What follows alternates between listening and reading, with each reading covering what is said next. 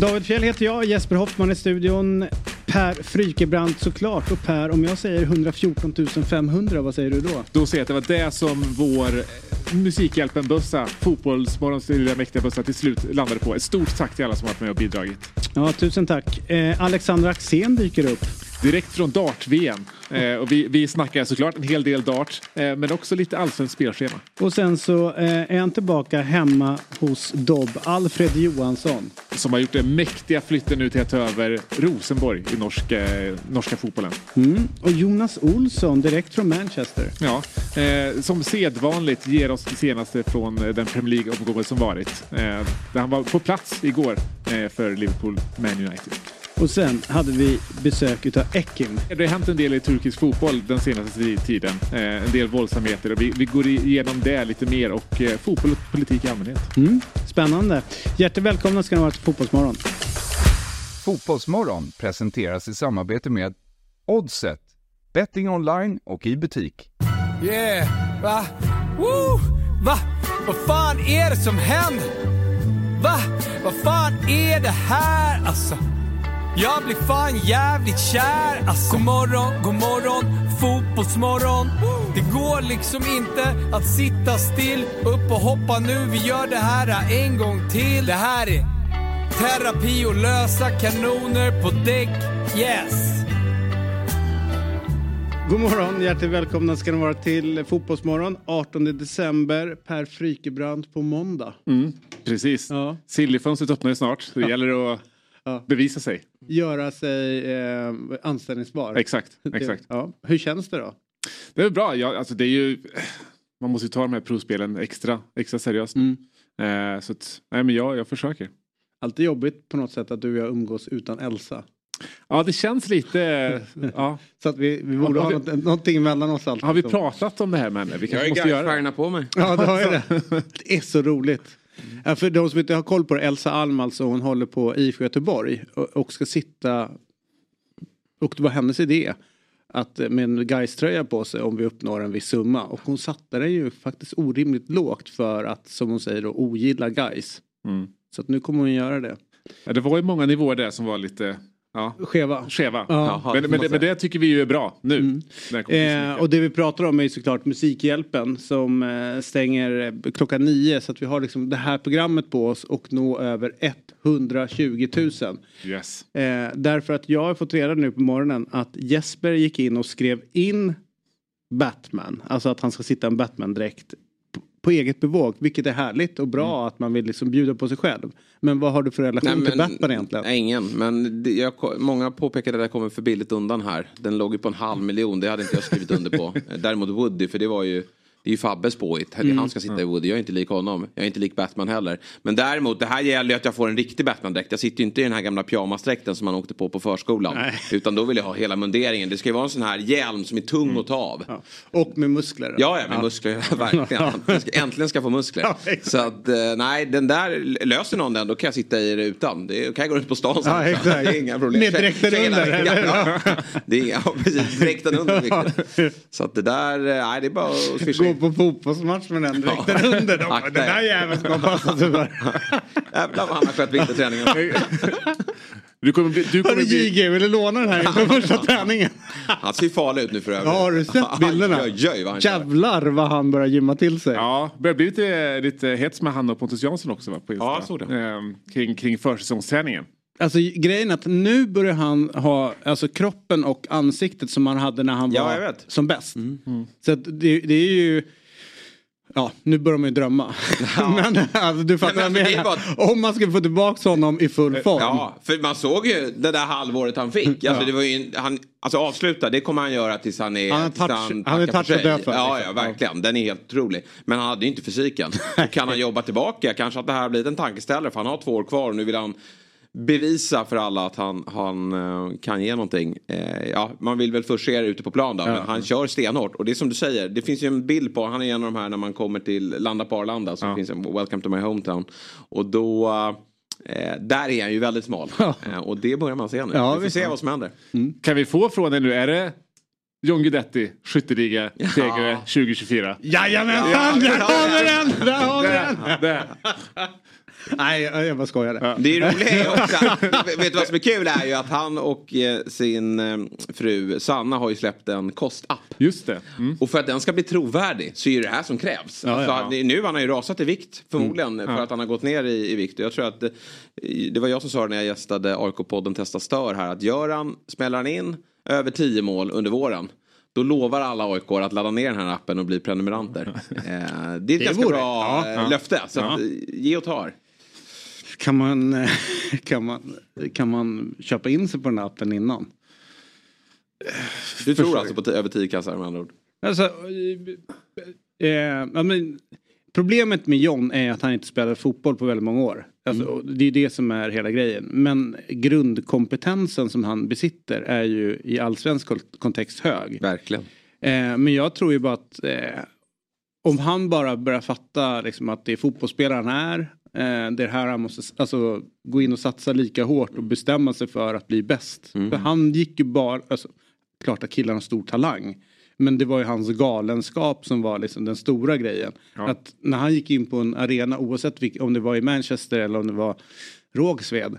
Så var han så här, jag äger, ni ska vara glada att ni får vara här och kolla på mig. Det har ju inte vi sett sedan han kom hem. Så att om han får tillbaks den, den delen, då har han tio kassar i sig. Ja, det tror jag. det tror jag också. Men jag, jag har väldigt svårt, alltså det är ju kanske svårt, svåraste som finns att hitta den här riktiga liksom Eh, ja. men, eh, vad ska man säga, att man blir så motiverad att liksom bevisa att man är bäst. Jag, och, ja. Men Ja. iro- ironiskt att det kommer nu när han blir entreprenör då? Gud, nu pratar jag som att han redan är skytteligavinnare. Ja. Ja. Eh, det Nej, Tänk att han gör de här 20 målen i år alltså. Otroligt. Wow. Att Men han sen att precis han nu. också, um, nej men handlar ju också när han kliver ut på plan här, jag tror att han ska gå för fullt i februari. Då handlar det om att kroppen hänger med också så att man inte får massa följdskador eh, Nej, på, det på det, det man har som haft. är- Så att det- vi får väl avvakta. Men ändå, det, det, är något, det kittlar ju ändå att han verkligen visar att eh, han kommer ge det ett försök. Men om vi har Jag ett trodde han skulle lägga av. Om vi har ett cirkeldiagram då. Så här, Okej. Eh, och du ska börja dra liksom någonstans, eh, liksom, okej här är 50-50, eh, 10 mål, inte 10 mål. Alltså succé eller fiasko eller succé eller som det fortsätter som nu. Var liksom, vad drar du, var hamnar du någonstans på den? Är det 10 chans att han gör 10 mål och 90% att det jag fortsätter att som nu? Vi är uppe på 35 procent. Att det går bra? Att det går bra. Ja. Så att det vi har hyllat nu någonstans det är ju, du säger 35, jag kanske är nere på 25 procent. Det, är som så här, det är 75 procents chans att det går åt helvete. Men de här 25 procenten. You're telling me there's a chance. Exakt, Ja. det är det som är grejen. Jag skulle kunna vara ner på 1 procent. Ja. Och ändå gå liksom, det finns en chans. Ja. Så dum i huvudet är man som supporter. Alltså, det är det som är så roligt. Nej, men jag, jag, jag tror på det. Jag är inte aik men jag börjar också tro på det. ja, Det vore ju kul för hela allsvenskan med en Guidetti som är, gör mål och är gapig. Framför allt Guidetti, Pontus Jansson som går head to head mot varandra och liksom hetsar varandra. Och sen så när de väl möts så ska det vara som en jävla Ja. Batman-film helt enkelt. När Och blir det mötet? Schemat eh, kommer. Ja, schemat är ute. Det Men blir... Innan vi går på, jag vill bara säga det att vi har hela dagen på så swisha in gärna. Alltså så här, jag har en så oerhört stark önskan att vi tillsammans under de här två timmarna når över 150 000. För den där jävla mustaschen ska bort. Det är dags nu. Exakt. Eller hur? Ja, Nu stänger vi nio här va, så Ja. jag tror det blir svårt. Men det... Men om det finns någon som bara kanske har 20 lax över. Daniel Ek följer oss på Instagram. Vad sa du? Daniel Ek, Ja. Spotifys grundare, följer oss på Instagram. Det vore, sitter och tittar här så kan han ju lösa det själv. Ja. han, får, han, får, han får gärna lösa det sista där också. Gibraltar. Det var hade varit en sån jävla dröm att få. Eller hur? Skulle inte det vara det? Låt säga att det bara Får ni tömma kassan då eller går du på egna besparingar då eller? Ja, det? Bara på det där. Ja. Men, äh, men så här, om, om du bara leker med tanken. Om man, man pratar om så här, drömjobb och alltihopa. Under, när jag pratar med min son eller min dotter så har ju de Ja men du vet de drömmarna man kan ha när man vet att eh, kroppen kommer bära. Kroppen kommer göra det du vill. Typ fotbollsproffs. Du, kan, du kan ha den drömmen. Den är ju svårare när man kommer upp i er ålder. Att Ja. liksom köra fotbollsproffsgrejen just. Men sportchef, varför har man inte tidigare börjat liksom så här, jag ska bli sportchef? För det måste ju vara eh, det, den roligaste rollen och om man tänker så här internationellt som värvas in i italienska klubbar eller till Spanien, Monchi eller vad allt de heter. Jävla dröm. Eller hur? Det är en av de stora sorgerna man haft när, man liksom har blivit vuxen och insett att så här, eh, för när man vuxit upp i Sverige, liksom hela den här professionella administrativa sidan utav fotbollen har ju varit väldigt mycket att så här, eh, ja, men, du ska ha spelat, du ska ha varit aktiv på något sätt och sen så tar du klivet över det. Det vi ser mer och mer nu är ju folk som väljer liksom kanske den akademiska vägen in, In i det. Ja. Tänk Alltså, man haft det. Att man inte insåg det, att man kunde göra en sån sak. Nej men verkligen. Men jag tror att det Ja, kommer, hej Jesper, går du i sjuan? Ja. Eh, Skulle du kunna bli eh, sportchef? Vad är det för något? Ja men det är ungefär som du spelar fotboll manager fast du gör det på riktigt. Ja. Du har ansvar för en hel klubb. Alltså om den drivkraften har funnits då, då är det bara, vad ska jag plugga? Ja. alltså du vet, eller hur? Nej, verkligen. Det Jag, kommer ju komma. Det finns och det kommer ju dyka upp utbildningar. Förut, Ja, men det finns ju, äh, i Örebro, tror va? jag, Men ja. jag tror att det kommer ju bredda sig till Ja. Större städer. Och eh, det kommer vara fler som är intresserade av det. Och jag tror att det är bra att få in annat folk än de gamla fotbollsspelarna bara i, i den typen av roller. utan ja, verkligen. vi ska se... Ja, vi kommer ju ha ett sportchefsgymnasium om två år. Eh, Absolut. på någon eh, liten privat ja, ja, skola definitivt. någonstans. Som Eh, Men ändå, ja men ändå. Bosse kommer att föreläsa. Ja. Gästprofessor. Professorhatten på. Ja. Fan, det här kunde man inte drömma om när han växte upp i Rimbo. får du lägga upp på LinkedIn. Exakt. Eh, nej men det hade ju, och näst, om man då, det eh, orealistiska är ju, tänk om man bara skulle få äga en, jag sitter ju och kollar på, har jag sagt det tidigare, men eh, Welcome to Wrexham. Och de möter ju helt plötsligt ett lag eh, i, när de, ja, i serien då som vars eh, ägaren av klubben, eh, både ägare, sportchef och tränare och var den som grundade klubben för typ tusen år sedan. Sen har det gått då som man säger ganska bra så vi har kommit upp i systemet. Men det är en jävla dröm, drömgrej ju. Så här, gr- gr- Grunda en jävla division 7-klubb. Sen så några år senare så bara, ja, vi, börjar, vi är uppe i SEF-ligan och, och snurrar runt där. Det är det Och får göra som man vill. Efter Stockholm sysslar med. Ja men det är ju verkligen det. Eh, men jag tror väl att eh, liksom, kanske att de skulle behöva in med lite mer kapital. Men så även Wrexham, de, eh, det var inte så mycket de pyntade upp. Nej, den, nej. den klubben. Nej, det det var det är- eh, en eller två miljoner pund va? Eh, nu var det mycket investeringar säkert som behövde göras i, i arenan. Eh, I och för sig, de ägde ju inte arenan. Nej, och de, har inte, den och de har inte gjort några investeringar än heller vad jag förstår. Alltså Nej, jag- jag de vet- ska göra. Ja, eller de har byggt om ena kortsidan. Ja, rivit den. Ja, exakt. Ja. Det kostar inte så mycket att riva. Nej. Det är bygga upp som kostar. Exakt. Ja, det är sant. Ehm, ja. Nej, men det menas att det är inte så mycket när vi pratar om eh, Gibraltar där nere. Att, så jag tror inte att det handlar så mycket om man skulle hitta någon behöver inte vara Daniel Ek-täta Nej. människor utan bara någon som är lite intresserad av fotboll. Man skulle ju kunna sälja in ett projekt ju. Mm, absolut. Jävla drömjobb. Eller starta upp en fond. Sunderlands ägare är ju en 25-årig schweizare som Ja. ju kommer från miljardärfamilj. Eh, kommer inte på hans efternamn nu men han är ju eh, väldigt seriös med det där. Han har ju ganska mycket pengar över Mm. och följde, följde sin dröm helt enkelt. Och Sunderland är på G. Ja, ja. Eh, Andreas Georgsson är ju där. Eh, Nej, nej, Southampton. Southampton är han. Men han lämnar ju precis. nu. Ja, till... Lilleström. Ah, han går dit. All right, spännande. stort sett. Eh, därför att hans resa är ju sjukt äh, intressant. Liksom, eh, där han verkar landa rätt mäktiga jobb. Det var Tredje klubben i England han är i. Det var väl Arsenal, Brentford. Exakt. mm, och Nu har han Southampton. varit i Southampton. Och sen så eh, har han väl haft en sväng i Nej, det är via, det är via Brentford han hade i Midtjylland, alltså ägar, alltså i den världen. Så Ja, var det ju precis, men samma där. i- Nej, han var aldrig där. Eh, men Lilleström blir ju spännande med eh, tanke det, på det som hände i Norge där, där de tappade sin tränare till Vålerenga eh, och stod utan och det blev ju jäkla halabaloo. Eh, och det slutade med att Vålerenga åkte ur högsta ligan. Vi hade ju sportchefen med inför de, eh, den, de avgörande matcherna. De vann ju första mötet tror jag med 2-0. Eh, och de är det bättre lag, alltså det laget som kommer från högre serie. Andra mötet hemma tror jag blir Mm, hemma. 2-2. Eller 2-0. Torska 2-2 straffar. dra- torska på straffar, åker ur. Med hela det som har varit med liksom att plocka värsta rivalens tränare och allt möjligt. Och så Oslo klubb och allt vad de vill Ah, ja. bygga upp där men aldrig lyckas med. Ah, det ja. är en total katastrof faktiskt. Det är ju eh, om man säger så AIK 2.0 om man säger så i kriser och, och sådana Man får ändå säga så här, norska eh, kvalet levde ju verkligen upp till förväntningar. Eller man hade ju inga förväntningar. Nej. Det är det. Sen så har det hela eh, spektaklet med, med brand där. Ja, just det. eh, också. Med, med planen, eller hur? Exakt, eh, exakt. Som eh, de inte fick igång värmen på. Precis, Så det blev väl VO. Ja. Ja. Att, och, det ena laget tog ut på straffar, det andra på VO. Det är så mycket Norge över det här så att det är... Och vi sitter och blickar mot Norge för ja. att ta inspiration för svensk fotboll. Fast det, alltså, det där, det vill man ju ha. Den där liksom... eh, VO'n där. Ja, Fast det är sånt som redan kan hända i Sverige. Sant. Det, är liksom inga, det, det har vi inget problem med. Nej, det där kan vi lösa. Ja. Utan problem. Ja. 2024, då jävlar. Om vi inte håller på och ska löjla oss med konstgräsplaner. Då kanske, då kanske vi kan få sådär också. Du, eh, nu är det dags för, var det någon som såg gårdagens lucka? Ja, eh, alltså gård, fan det är ju 17, eh, 17 precis. Den, den luckan igår, den 17. När, eh, det är ju de här adventsöppningarna. När Fabbe och eh, Robin är hemma hos Robin. Nej, den missade jag faktiskt igår. Ja, de är inte friska de där två. Nej. Så det att den är men då får jag ta gå in och kolla på den. Ja. Men nu eh, ska vi såklart eh, öppna lucka eh, 18 och vi har kommit fram till eh, augusti nämligen. Mjällbyåre, du som ensam räddar från allt ont.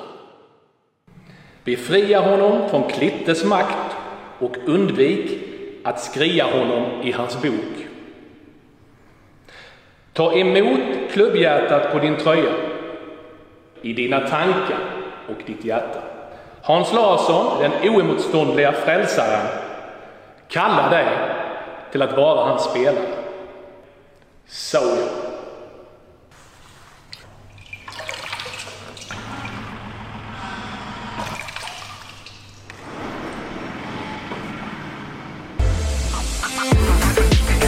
de este maravilloso deporte, dedicándole ese título de campeona de No voy a dimitir.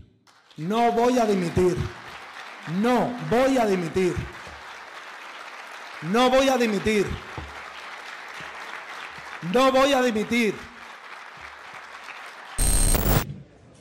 And going to Tranmere are. This is number 23. And sh- last night, Well done. 24. 20, 24, And number one. number one. Det potentiella värdet 6 miljoner som skrev, det är om man värderar det till 55 kronor per aktie. Ja. Om vi värderar det till 50 så blir det lite mindre och 40 så blir det ja, då är det ju 4 miljoner då ungefär. Så att, men det är ändå en, en bra del för att, för att eh, uppfylla kraven för Men ni, första ni, läget kapital. ni har köpt Men det- dem men ändå fått dem på något sätt. Vi har köpt dem och sen för- eh, så fick vi dem. Vi köpte dem en dag och fick dem några dagar senare. Då efterskänkte de sin fordran på oss. Så då blir anskaffningsvärdet ändå 55 kronor. Även fast man fick Ja. dem gratis. Ja, ja. Eh, du eh, Bengt, kan, kan du förstå att... Jag börjar väl som jag slutade. Du eh, var, jag fattar inte riktigt det där. Nej, jag du, du summerar bäst. Ja, i- i det ÖFK. Ja, ja. Vilka, vilka genier ändå som varje år. Det är ju, börjar nästan bli tradition traditionen för oss vilka vi ringer upp när det börjar närma sig liksom, det här med licensen. Då är det Har ÖFK. Peja dragit eller? Vad säger Har du? Peja Lindholm dragit? Jag tror att han, jag vet inte men vi vet att Hom Pripp heter va? ja. Ja, jag tror att han måste vara kvar på något sätt. För han är väldigt härlig. Vad sa du? Ja just det. Prips. Ja. Eh, men han Det är... dyker alltid upp nya gubbar. också. De trollar fram nya. Ja. De ringer nu från Fotbollsmorgon. Vem kan ta det? Ja, men jag tar den där morgonen. Jag ska ändå upp. ja, exakt. Och så har jag så att de har varit med i tio år. Ändå. Ja, precis. Ja, jag har suttit i styrelsen i tio Ja. år. Det var någon annans fel. det var inte mitt. Rörigt. Ja, exakt. Ehm, Sen har vi ju Rubiales som eh, får vi ändå säga. Ja. Eh, it's better to burn out and fade away. Exakt, och jag får väl säga att liksom eh, konsekvenserna av det där, eller alltså det lever kvar lite nu med eh, eh det kom ut lite kring Uefas eh, exekutivkommitté att man försöker ändå säga kuppa vidare eh, Schifferin, att han ska få sitta kvar trots att han eh, eh, inte ska få det egentligen enligt, enligt stadgarna.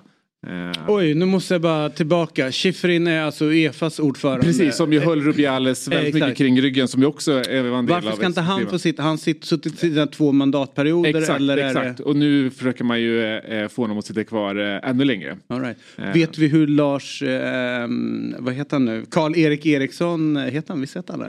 Karl-Erik Nilsson. Karl-Erik Nilsson, Ja. det var så länge sedan han var... Exakt, exakt. Eh, men, det enda vi vet vi- är att han inte har briefat Svenska fotbollsförbundet kring det här. Han har inte gjort det, Ja. nej. nej därför Det det och han själv får vi inte heller sitta kvar så länge till med tanke på att han sitter ju på mandat för Svenska fotbollförbundet från början när han kom in där. Och nu, hur, hur är det nu med mandat för det? Får han sitta ett och ett halvt år till som hans förordnande är och sen får han inte sitta Skulle längre? tippa på att han kanske ingår i det här lilla paketet. Ja, eh, för det var ju en lite så här mellanårsval väl som gör nu att man eh, ja, försöker förlänga det eh, lite grann. Men, men ja, to be continued Mm. kring, kring den helt enkelt. Det, spelar liksom, det känns ju nästan inte någon roll, spelar ingen roll alls vad man gör i toppen där på Uefa och det verkar vara liksom finnas väldigt många tvillingsjälar som bara kliver upp och fyller Det är drömjobb. Ja, ja det måste vara ett drömjobb. Det är ingen, liksom, ingen ansvarsutkrävning eh, på någonting. Eh, och när tiden är kommen, ja, då förlänger vi den bara lite Det är märkligt att inte fler ÖFK-toppar har fått plats i Uefa. Ja, för de har ju alla... De vet hur man ska Ja. göra. Ja. Det borde Apropå shady bossar, hon Gunilla Lindberg, hon som var i SOK och IOK och sådär som också kommer med konstiga uttalanden Mm. genom åren. Mm. Just det. Drömjobb måste man väl ändå haft, eller hur? Ja, och när man söker OS varje år. Ja, och utan att få det. Aldrig få det.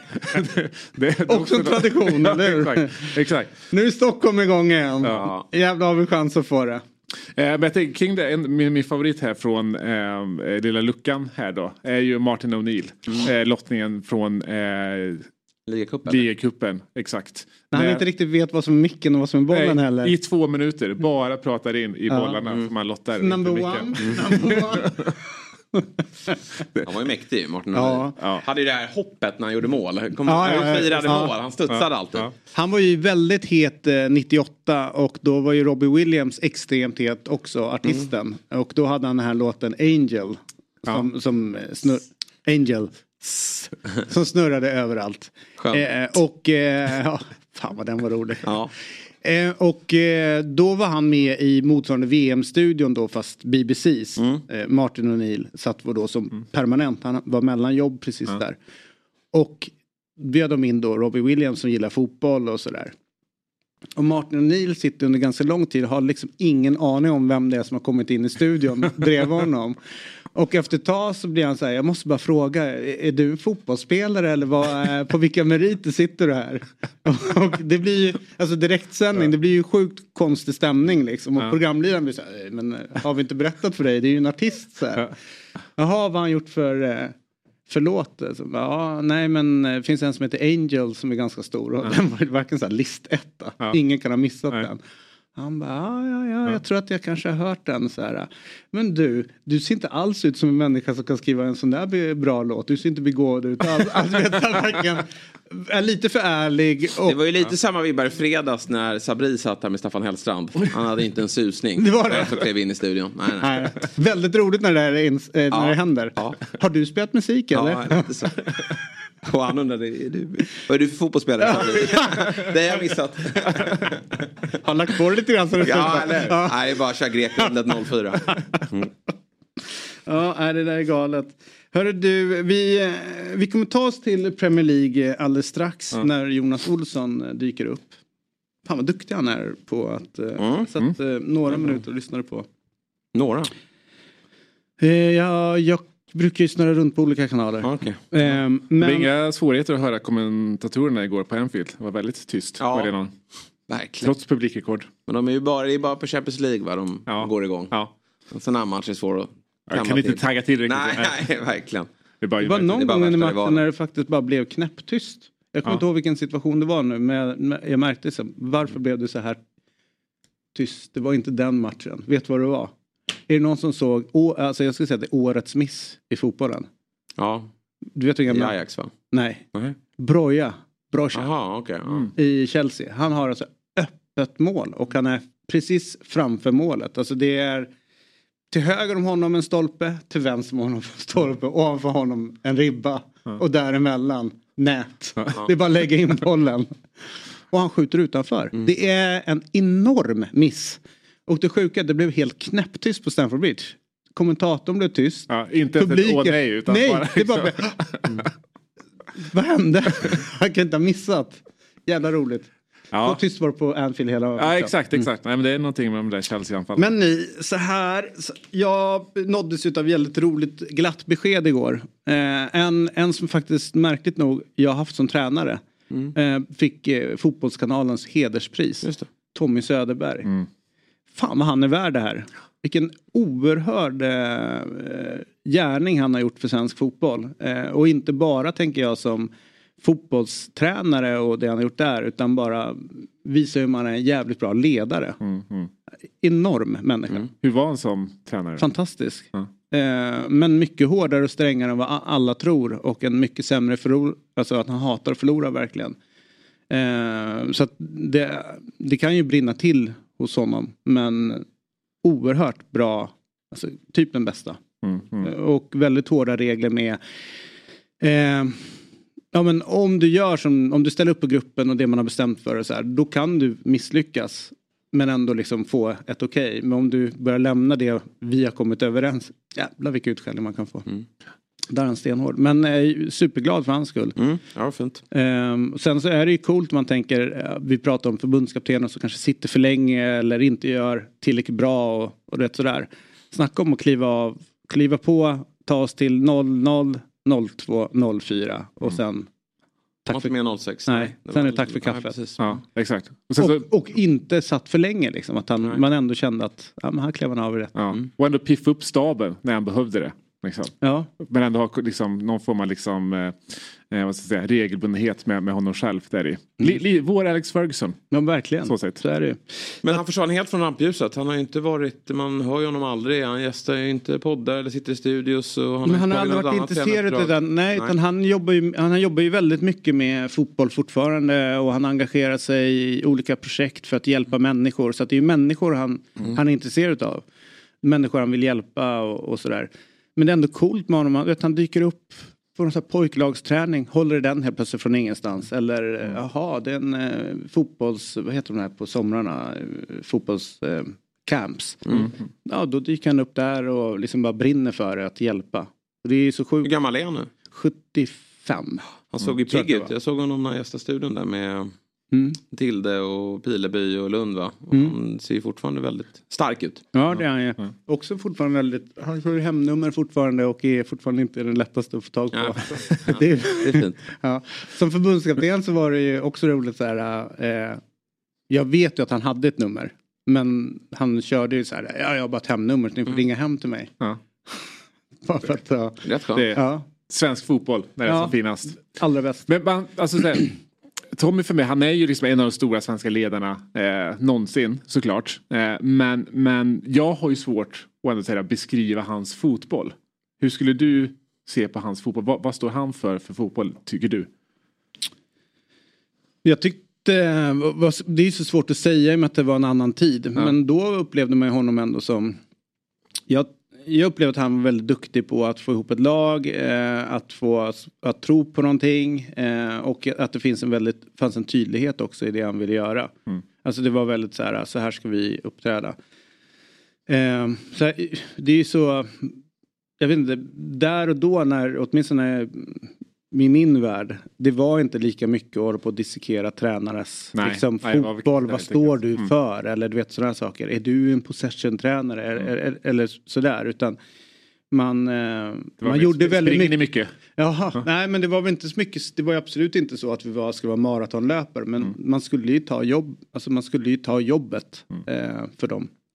Eh, men jag, jag ser inte att det var en, det var liksom inte en så här eh, bara tjonga iväg den utan det var ju så här, de här ytorna ska vi söka, det här ska vi leta efter eller vet så.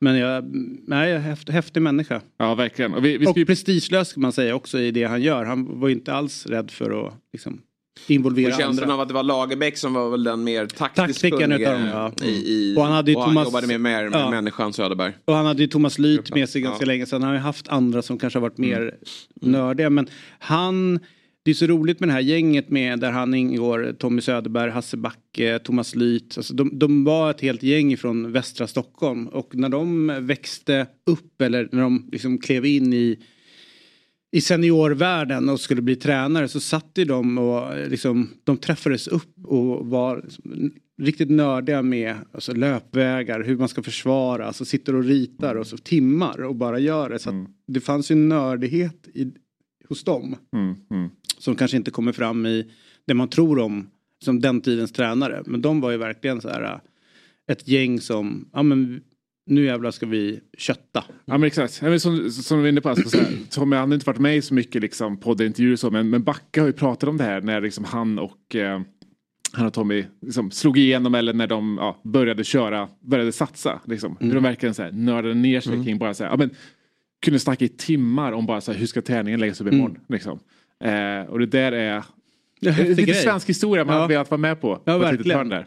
Och kan man säga att där alla egentligen kanske var ganska lika stöpta. Om man säger i- hur de kommer fram med fotbollsutbildningen och GH och Ja. allt vad det liksom nu som folk börjar prata om. Precis, precis. Och vi, vi ska ju prata lite Turkiet senare idag men det är väl det som är det starkaste Tommy-minnet har. Ja, Alisama Jens-stadion. Ja. När vi tar oss till, visst är det 2002? Mm, ja, det? VM. När Andreas Andersson eh, gör mål. Två ett, ja. Ja, Ja. Apropå tysta en, Ja. en eh, arena. Det blev ju helt knäpptyst. Och han, man tror inte att det är mål när han gör det för att det blir helt tyst på arenan och så står han och kollar mot domaren. Är offside eller vad exakt, som händer? exakt, Nej, det är exakt. mål faktiskt. Ja. Och så kommer myntet ner. Jävlar förbannad han blir. Då ska han ta alla där uppe på läktaren. Han brinner till ordentligt. Ja. Ja, det hade kunnat bli, alltså, ja, man har ju Det hade kunnat bli legendariskt med Tommy Det- Söderberg uppe på läktaren. Exakt, det har delats ut en del smällar i turkisk fotboll Ja. på sistone. Men det hade kunnat bli den största smäll om man hade liksom ingen hade klivit upp dem. där Ja. som en jävla. Baloo. Sen är det så skönt språk han hade ju. Eh, allt ifrån när ytterspringare, då var man ju linjeman. Mm. Eh, då, du är linjeman idag. Höger eller vänster? Vänster. eh, ja, står det en humla. Lite man bara va? Ja, men då ska jag ringa lite senare. alltså, det var mycket, mycket härligt. Stockholmsslang. Ja. Ja. Och alltid eh, hästarna. Han gillar ju sina travhästar. Ja, för han är ju som en, alltså för mig är han ju en liten Astrid Lindgren-karaktär. Eftersom han hade samma lingo Ja, som en. Astrid Lindgren-karaktär. Ja. Han är en fantastisk människa. Morgon, god morgon, fotbollsmorgon. Woo! Hej! David Fjell här från Dobb. Jag vill tipsa om att Eurotalk är tillbaka som podcast helt fritt där poddar finns. Vi spelar in ett nytt avsnitt varje måndag. Så när du lyssnat klart på Fotbollsmorgon och vill höra mer om den internationella fotbollen så finns vi där och dyker ner tillsammans med dig, mig, Martin Åslund, Christian Borell och Marcelo Fernandes. Eurotalk finns fritt där poddar finns. Morgon, god morgon, fotbollsmorgon. Woo! Vi tar oss från en fantastisk människa då, eh, till ytterligare en man med stort inflytande och stort avtryck på svensk fotboll. Ni vet hur det är på måndagar. Eh, ingen måndag är komplett utan vår favorit ifrån Rynninge. Denna måndag är han dock inte i Rynninge utan han är på någon exklusiv resort någonstans i världen. Och vi säger god morgon, hjärtligt välkommen till Alexander Axén. Hur står det till? Eh, klockan är 6.30 här så det står bra till. Ja, du är i England. Mm, norra London, en eh, rask promenad till Alexander Palace. Så att vi har hyrt en lägenhet här så att eh, ja, bra läge. Hur är för, eh, varför berätta, du är alltså på, eh, på plats i London eh, där det är eh, dart-VM. Ehm, hur, hur stort är det som evenemang skulle jag säga? Alltså, jag tror inte att det går att förstå hur stort det är. Eh, biljetterna tog slut på en halvtimme. Då är det alltså från 15 december till 3 januari. Och det är förmiddagspass, eftermiddagspass eh, oftast på dagarna kan man säga. Och det tog alltså innan en halvtimme så var det över. Så att eh, det, det är liksom, vad ska man säga, det, det är bland det största som finns och det marknadsförs ju så också och det är otroligt. Det som jag tycker har varit lite sådär, det är att det har varit så jävla mycket tyskar de här första dagarna. Säkert en 600-700 varje gång. Eh, Så de tar ju över och sjunger tyska sånger och sånt, det är ju sådär tycker jag. Men, eh, men det är upp till alla att köpa så att. Har tyskarna någon vass gubbe med i tävlingen också eller? Ja, de har ju några sådana här, vad ska man säga, halva outsiders liksom. Så att Mm. eh, igår var det första gången som Hempel gick in. Jag tror att han är en gammal handbollsmålvakt faktiskt. Eh, och han krigade sig till en 3-1-seger. Och det var mycket av att de började sjunga sina tyska låtar. För i princip började han drämma in 140 till höger och vänster. Så han hade ruggigt bra stöd. Och sen var han rätt så läskad också, så det var ju härligt. De är det alltså? Ja, ja, ja. Ja. Ja, det är såklart att Axén faller för en grej där folk är aspackade när de tävlar. Ja, det Eh, men du, så här är det vår gode vän. Eh, det finns ju folk här ute i Sverige som verkligen älskar dig. Och eh, vi har fått några bilder inskickade till oss från, från en tittare. Och eh, den, de kommer från den klassiska tidningen Buster. Kommer du ihåg den? eh, och eh, vi börjar då med eh, den första som vi har då. Det är Alexander Axén, 12 år, Örebro SK, fotboll. Slog in sina mål i matchen mellan Örebro SK och BK Forward. 6-1. Den 24 i 883 i serie för 14-åringar i Örebro. Du är inte ensam med mäktiga eh, människor här. Därför att vi har också ifrån Bråtens IK fotboll. Vet du vem, vem som är, eh, är bördig därifrån? Bråten, det är ju Värmland va? Ja. Jag såg inte vem det var på. Karlskoga. Karlskoga. Ja, det är ju, det är ju Kärna såklart. Jajamensan. Eh, är en veritabel målmaskin som under säsongen 83 svarade för hattrick i 13 matcher. Sammanlagt gjorde han 79 mål. Det är du. Och sen så går vi vidare till Näsvikens IK. Eh, är en flitig, Thomas Brolin 13 år, Näsvikens IK är en flitig målgörare som lyckas med hattrick i flera matcher. I september 81 i matchen mellan HIF och Näsviken dubbelt hattrick i serien Porka 12. Och sen då den sista, alltså den listan utav människor du är med på. Det här är stort Axén. Martin Åslund, 9 bast. Eh, IFK Täby fotboll gjorde han tre mål, 5-0, 6-0 och 7-0 i finalmatchen i Domus Cup P76 mellan IFK Täbys röda lag och BK Sport. De vann med 7-0. Den 11 8 85. IFK Täby hade under turneringen målskillnaden 26-3 på sju matcher. Härligt gäng du är med i där, eh, Alec. Det är tur att inte Magnus och Brasse så här en ska bort, för det hade inte varit svårt att ta bort någon där då faktiskt. Men, nej, det, var ju, det var ju stort när man fick komma med i Buster sådär. Man skickade ju in när man hade gjort mål och sådär. Och sen var det ju också när man skulle dutta till 100 tror jag. Fick man också en tröja och sådär. Men eh, där kom jag aldrig med. Nej. Eh, sen, vi vi eh, får väl ändå säga Brolins frisyr är väl den som sticker ut lite grann utav de tre va? Ja, den gamla pottan. Ja, det är en klassiker. Ska du klippa vid halva örat? Kommer du ihåg när man sa det? Ja. Nej, inte jag dock. Jag har ingen koll på det. Med Kärnas facit här. 79 mål. Det är ju eko i fotbolls-Europa. Man Ja. förstår att eh, större klubbar hörde av sig. Ja, alltså han var ju, eh, det var ju det som, han gjorde ju... Det var här han breakade. Ja, han var ju hur jävla bra som helst Tjärnström. Det... Han var ju duktig på slalom också va? slalom. Ja, i slalom. Ja. Ja. Eh, Nej men fantastisk eh, människa så. Eh, otroligt. Eh, jag, jag, jag pratar om honom alldeles för lite faktiskt. Vi var ju ganska tajta ett tag men eh, pratar väldigt, eh, väldigt mycket för lite med honom. För det är en superkille rakt igenom. finns inte en eh, ondhet i honom någonsin. Jag har aldrig hört han säga något illa om någon liksom. Så att, eh, en fantastisk människa. Mm.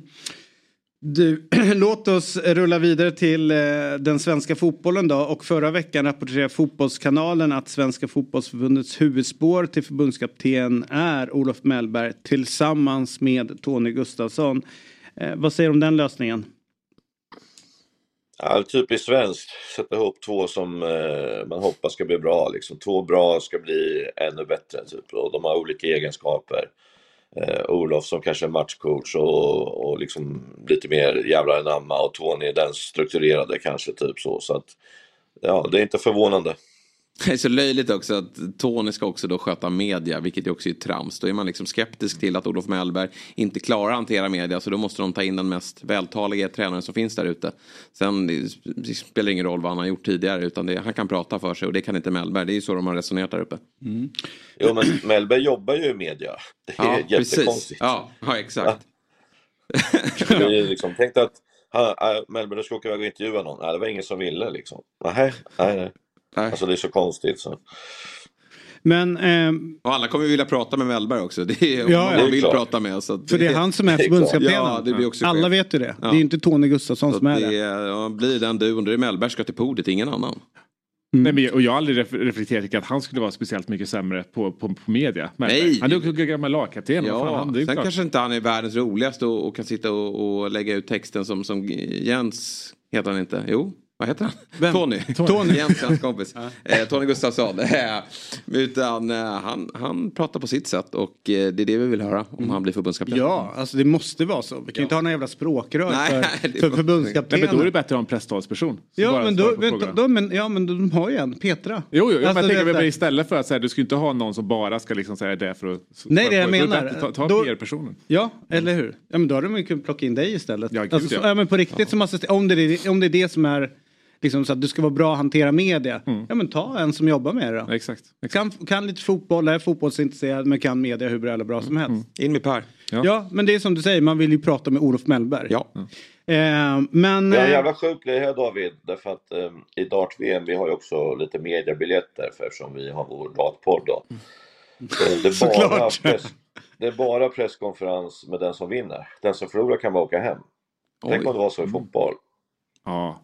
Hade du velat idag, Vi pratar, förlorar med 3-2. Ah, vi hörs, han är lite ledsen, han behöver inte prata. Och, och lite Det för läskad också va? Det kanske är så att man, man är så packad så man kan inte snacka. Eller framförallt, de är så packa, eller man är så förbannad Har någon efteråt. missat tavlan någon gång när han kör? Nej, men förra året hände en jävligt rolig grej. En som heter Cameron eh, Menzies, han var... Han, vet, han kom fram till tavlan och så började han med att så här... Liksom så. Så man fattar så här, okej det här börjar bli jobbigt liksom. Han och ser så dubbel. sätter han första pilen i ettan, han bara wow. Så han då, för sig själv liksom så här. Så tappade han andra pilen, böjde sig och tog upp den, sköt in den i typ 20, femman tror jag det var. Tappade tredje pilen igen och när han ska ta upp den så sparkar han iväg den. Så säger kommentatorn. Han träffar golvet mer än han träffar 20. Så här. Stackarn. Ja, det där är underbart. Men Han vann i alla fall om man går in på eh, Tony Gustafssons eh, kvaliteter som fotbollstränare. Det var ett tag sedan han var liksom inne i eh, herrfotbollen får man väl ändå säga. Eh, och eh, det är väl klart att eh, en fotbollstränare är en fotbollstränare är en fotbollstränare någonstans. Men ser du någonting i, i det att han har varit borta från Sverige eh, och, och herrfotbollen ett tag? Ja, men det är väl lite det att det ligger i, i PK, Sverige- fotbollsförbundet, att man ska då kunna visa att om man tränar eh, damer så kan man också träna herrar tror jag. Jag tror också liksom att bollen är rund och planen är lika stor och sådär. Men ledarskapet är väl den stora skillnaden och man får ju ta i verkligen när man är ledare för ett damlag. För det är ju liksom mer så här när jag har tränat tjejer på fotbollsskolor och sånt, det är ju liksom, du vet man, man lägger ut lite koner och sen, ja ställ dig på varje kona så här och så kör vi igång typ. Då, det händer ju ingenting liksom. Och så säger man, "Ja, men ställ er här nu så här. Och då kommer ju alltid någon som frågar, varför då? Och så måste man förklara varför vi ska göra den här övningen. Och sen går de ut. Medan grabbarna springer bara ut och ställer sig hur som helst hela tiden. Typ så. Och så är det ju lite, i- jag har ju liksom pratat, jag är ju väldigt god vän med Peter Gerhardsson och sådär. Ledarskapet är ju enormt viktigt på damsidan där ju. Så där tror jag liksom att, det har ju han alltid haft Tony. Men jag tar ju lite på mig eh, Tonys framgångar faktiskt. Eh, jag tränade i Rynninge och han kom ner till eh, Degerfors uppifrån eh, eh, Ytterhogdal. Ja, exakt. Han Och vem, kommer, vem mer eh, kommer därifrån? Nej, det vet jag fan inte. Tord Grip va?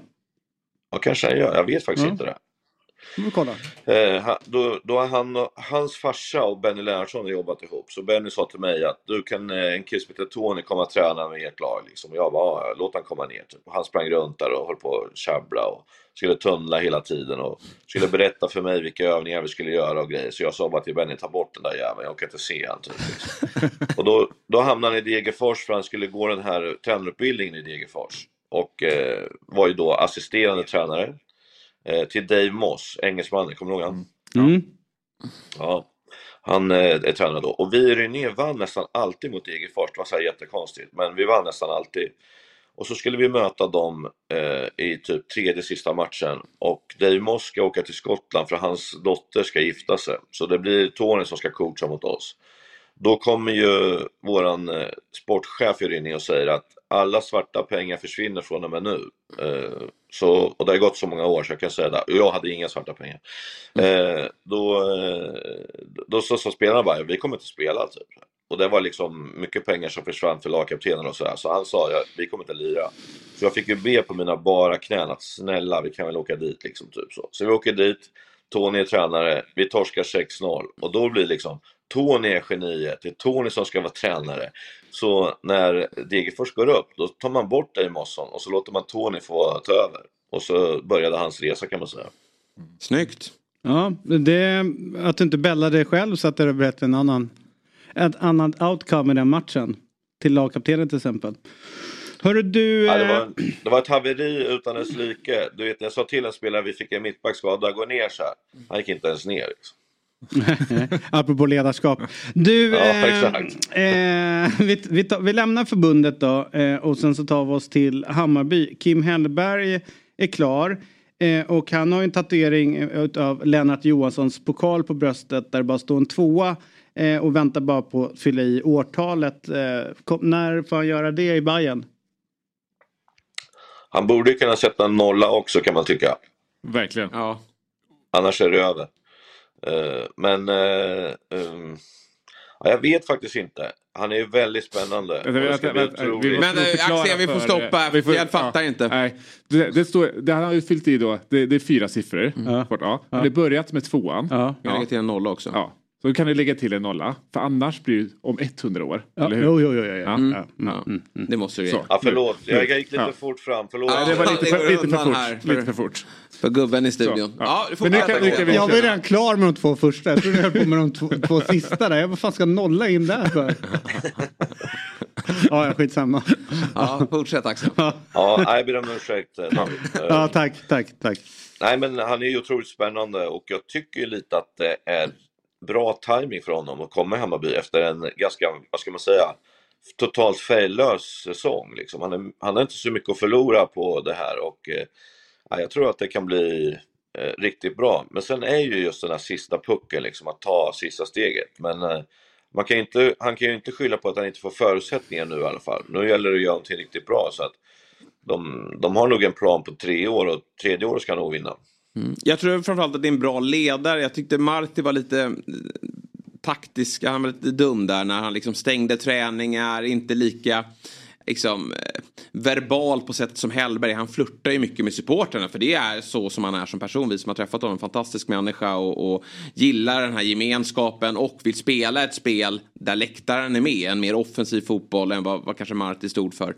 Så att eh, det, jag tror att det är en, en, en bra match här mellan Bayern och Hellberg. Har han spelarna för att spela sitt spel i, i Bayern så som truppen är idag? Alltså du vet när man börjar tänka att han kunde spela sådär med Värnamo så måste han kunna göra det med Hammarby. Det är ju lite min känsla. Eh, för att han har gjort många spelare i Värnamo till genier. Eh, han är väldigt duktig på struktur, på speciellt anfallsspel så jag säga. Eh, men sen har ju de haft väldigt bra lag också Värnamo om man tänker så. De har ju inte, det är inte så synd om dem som alla säger för att de har ju rätt så bra organisation och finns pengar för att göra saker. Och jag vet ju en spelare som har spelat i många allsvenska lag, han har ju aldrig haft högre lön än vad han har nu. Eh, så att eh, liksom han, han har inte haft så dåligt där nere men det är klart att det blir lite annat här och jag, jag tror liksom att han har han kommer se till att få de spelarna som han vill ha. Till skillnad mot Marti då som gick från ett jätte, jättebra lag till ett eh, mindre bra lag. Så har ju han en start på direkten vad det här är och så kan han spetsa istället. Jag tror det är lättare än vad det var för Marti som fick gå eh, åt, åt fel håll kan man säga. Eh, du, eh, Djurgården eh, för samtal med Barcelona och det är ju faktiskt coolt på många sätt och vis. Lukas Bergvall är det såklart som är eh, föremålet för dessa samtal. Eh, har vi sett det sista av 17-åringen i allsvenskan för den här gången tror du? Nej, det tror jag inte. Jag tror att man, eh, om man vill köpa honom tror jag man tar han i sommar. Eh, och jag tror att det skulle vara bäst för han och för Djurgården också. Egentligen det bästa skulle vara efter nästa år så att han fick en hel säsong i Allsvenskan. Eh, men de köper ju på potential ute i Europa nu så att jag, jag tror liksom inte att, att man har jättebråttom nu och jag tror att det är fel av Djurgården att sälja nu för att eh, då får man okej, men jag tror att i sommar efter en, en bra vår då kan man få ytterligare 10-15 miljoner. Nu ska ju också leverera sportsligt. Hade han, liksom förra året då gick han ju bara runt på potential. Han gjorde några riktigt fina matcher, några blekare. Men det här året ska han ju lyfta Djurgården också. Och då gör han det, då kommer de få mer betalt. Så att, sen är det ju spelaren som bestämmer. Jag tror Djurgården verkligen vill behålla honom det här året. Men, men om spelaren, det är klart att när Barca ringer, jag vill gå till Barca. Då kommer ju Djurgården lyssna till det. Men eh, jag är med Axén där att det klokaste valet är ju faktiskt att köra minst ett halvår till. Grejen är att eh, det är ju, narrativet är ju galet att jag, jag hävdar att trän- spelarna absolut inte bestämmer. Man måste ju vara beredd på när man skriver ett kontrakt så är man ju fast tills klubben väljer att släppa. Och det är väl här vi måste bli bättre. AIK har ju fått bud på Jona Kusiasare runt 60 miljoner för 60-åring och det är PSV och Klubb Brygge och allt det. Jag fattar inte varför vi ska vara så snabba på att sälja spelare från allsvenskan. Alltså håll Lukas och låt han blomma eller göra ännu bättre. Behåll Jona Kusiasare ett år.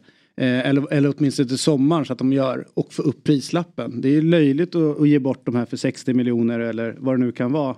Man vet bara i Danmark, ja men det är 200 miljoner de skickar vidare. Så att vi måste bli bättre på att hålla fast vid spelare innan vi säljer. Punkt slut, så enkelt är det. Är det, tankar? Sen, det är som jag brukar säga att eh, de vet ju prislappen när de ringer till Sverige kontra till exempel till Danmark. Eh, det är lite som att handla på Galna Gullnar eller på NK liksom. Och där måste man försöka bli lite tuffare som du säger att nej, men vi släpper inte för så lite, vi ska ha ännu Mm. mer liksom. Att man vågar det. Problemet är ju att allt nästan bygger på försäljning hela tiden.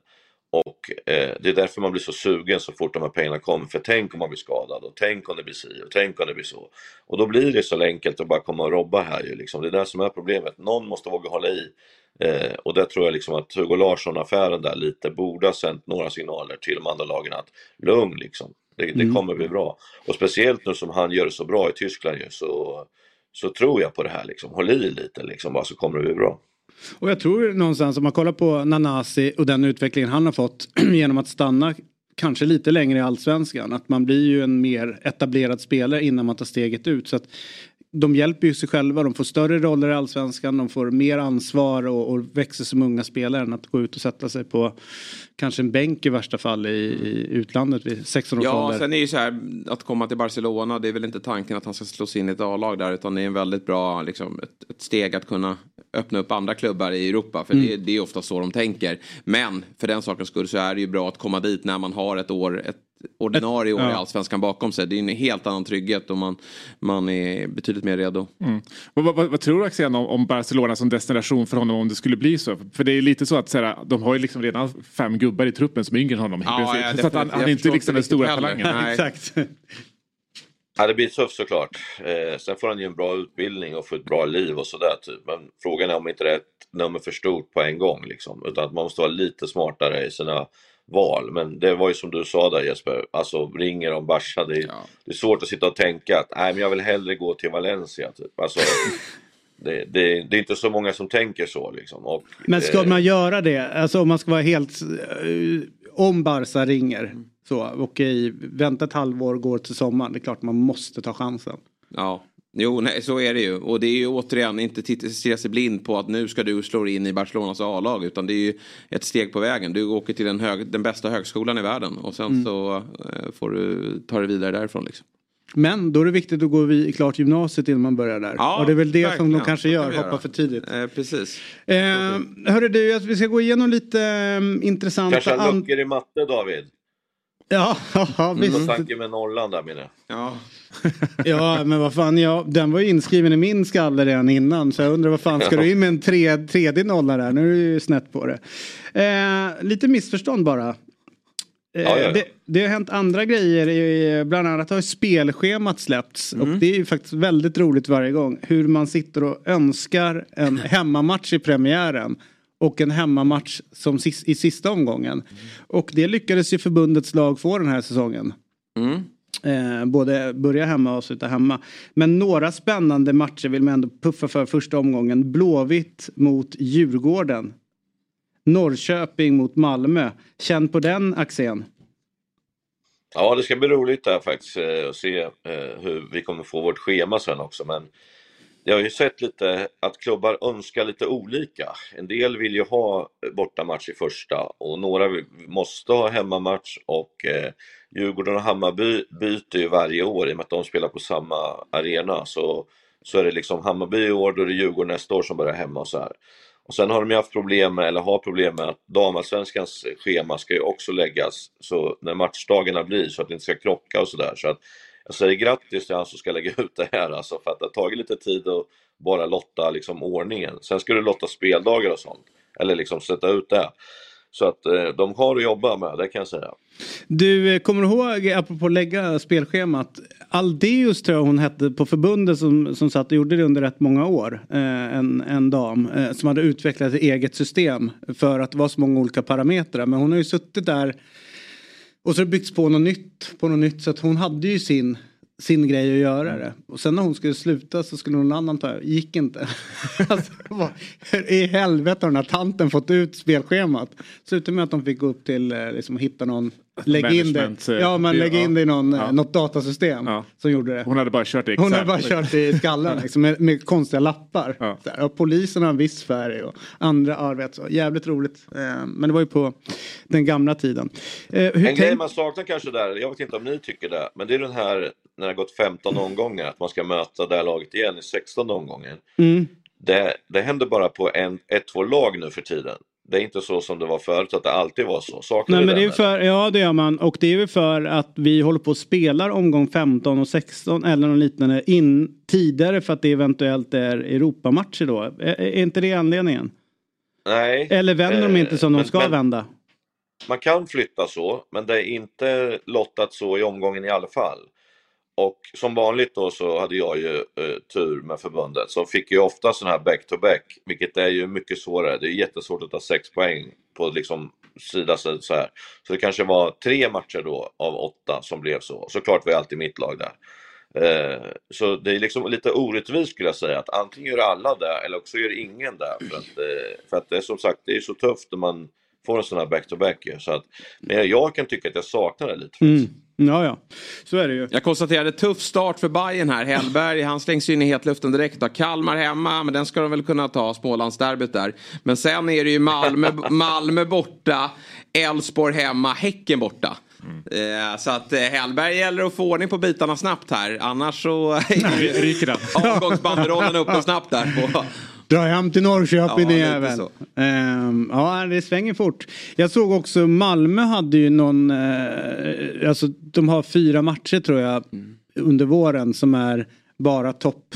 Ja. Alltså vet, de kommer i ett sjok där och där, där kommer ju liksom Men på tal om Bayern också så läste jag rykten om att Erabi förlänger och det är ju också otroligt. Där kan vi snacka om en kille att vara kvar ett år till. Alltså jag tror han exploderar i Allsvenskan under Hellberg nästa år. Otroligt klokt val om han stannar och, och han, där tror jag vi har skytteligavinnaren.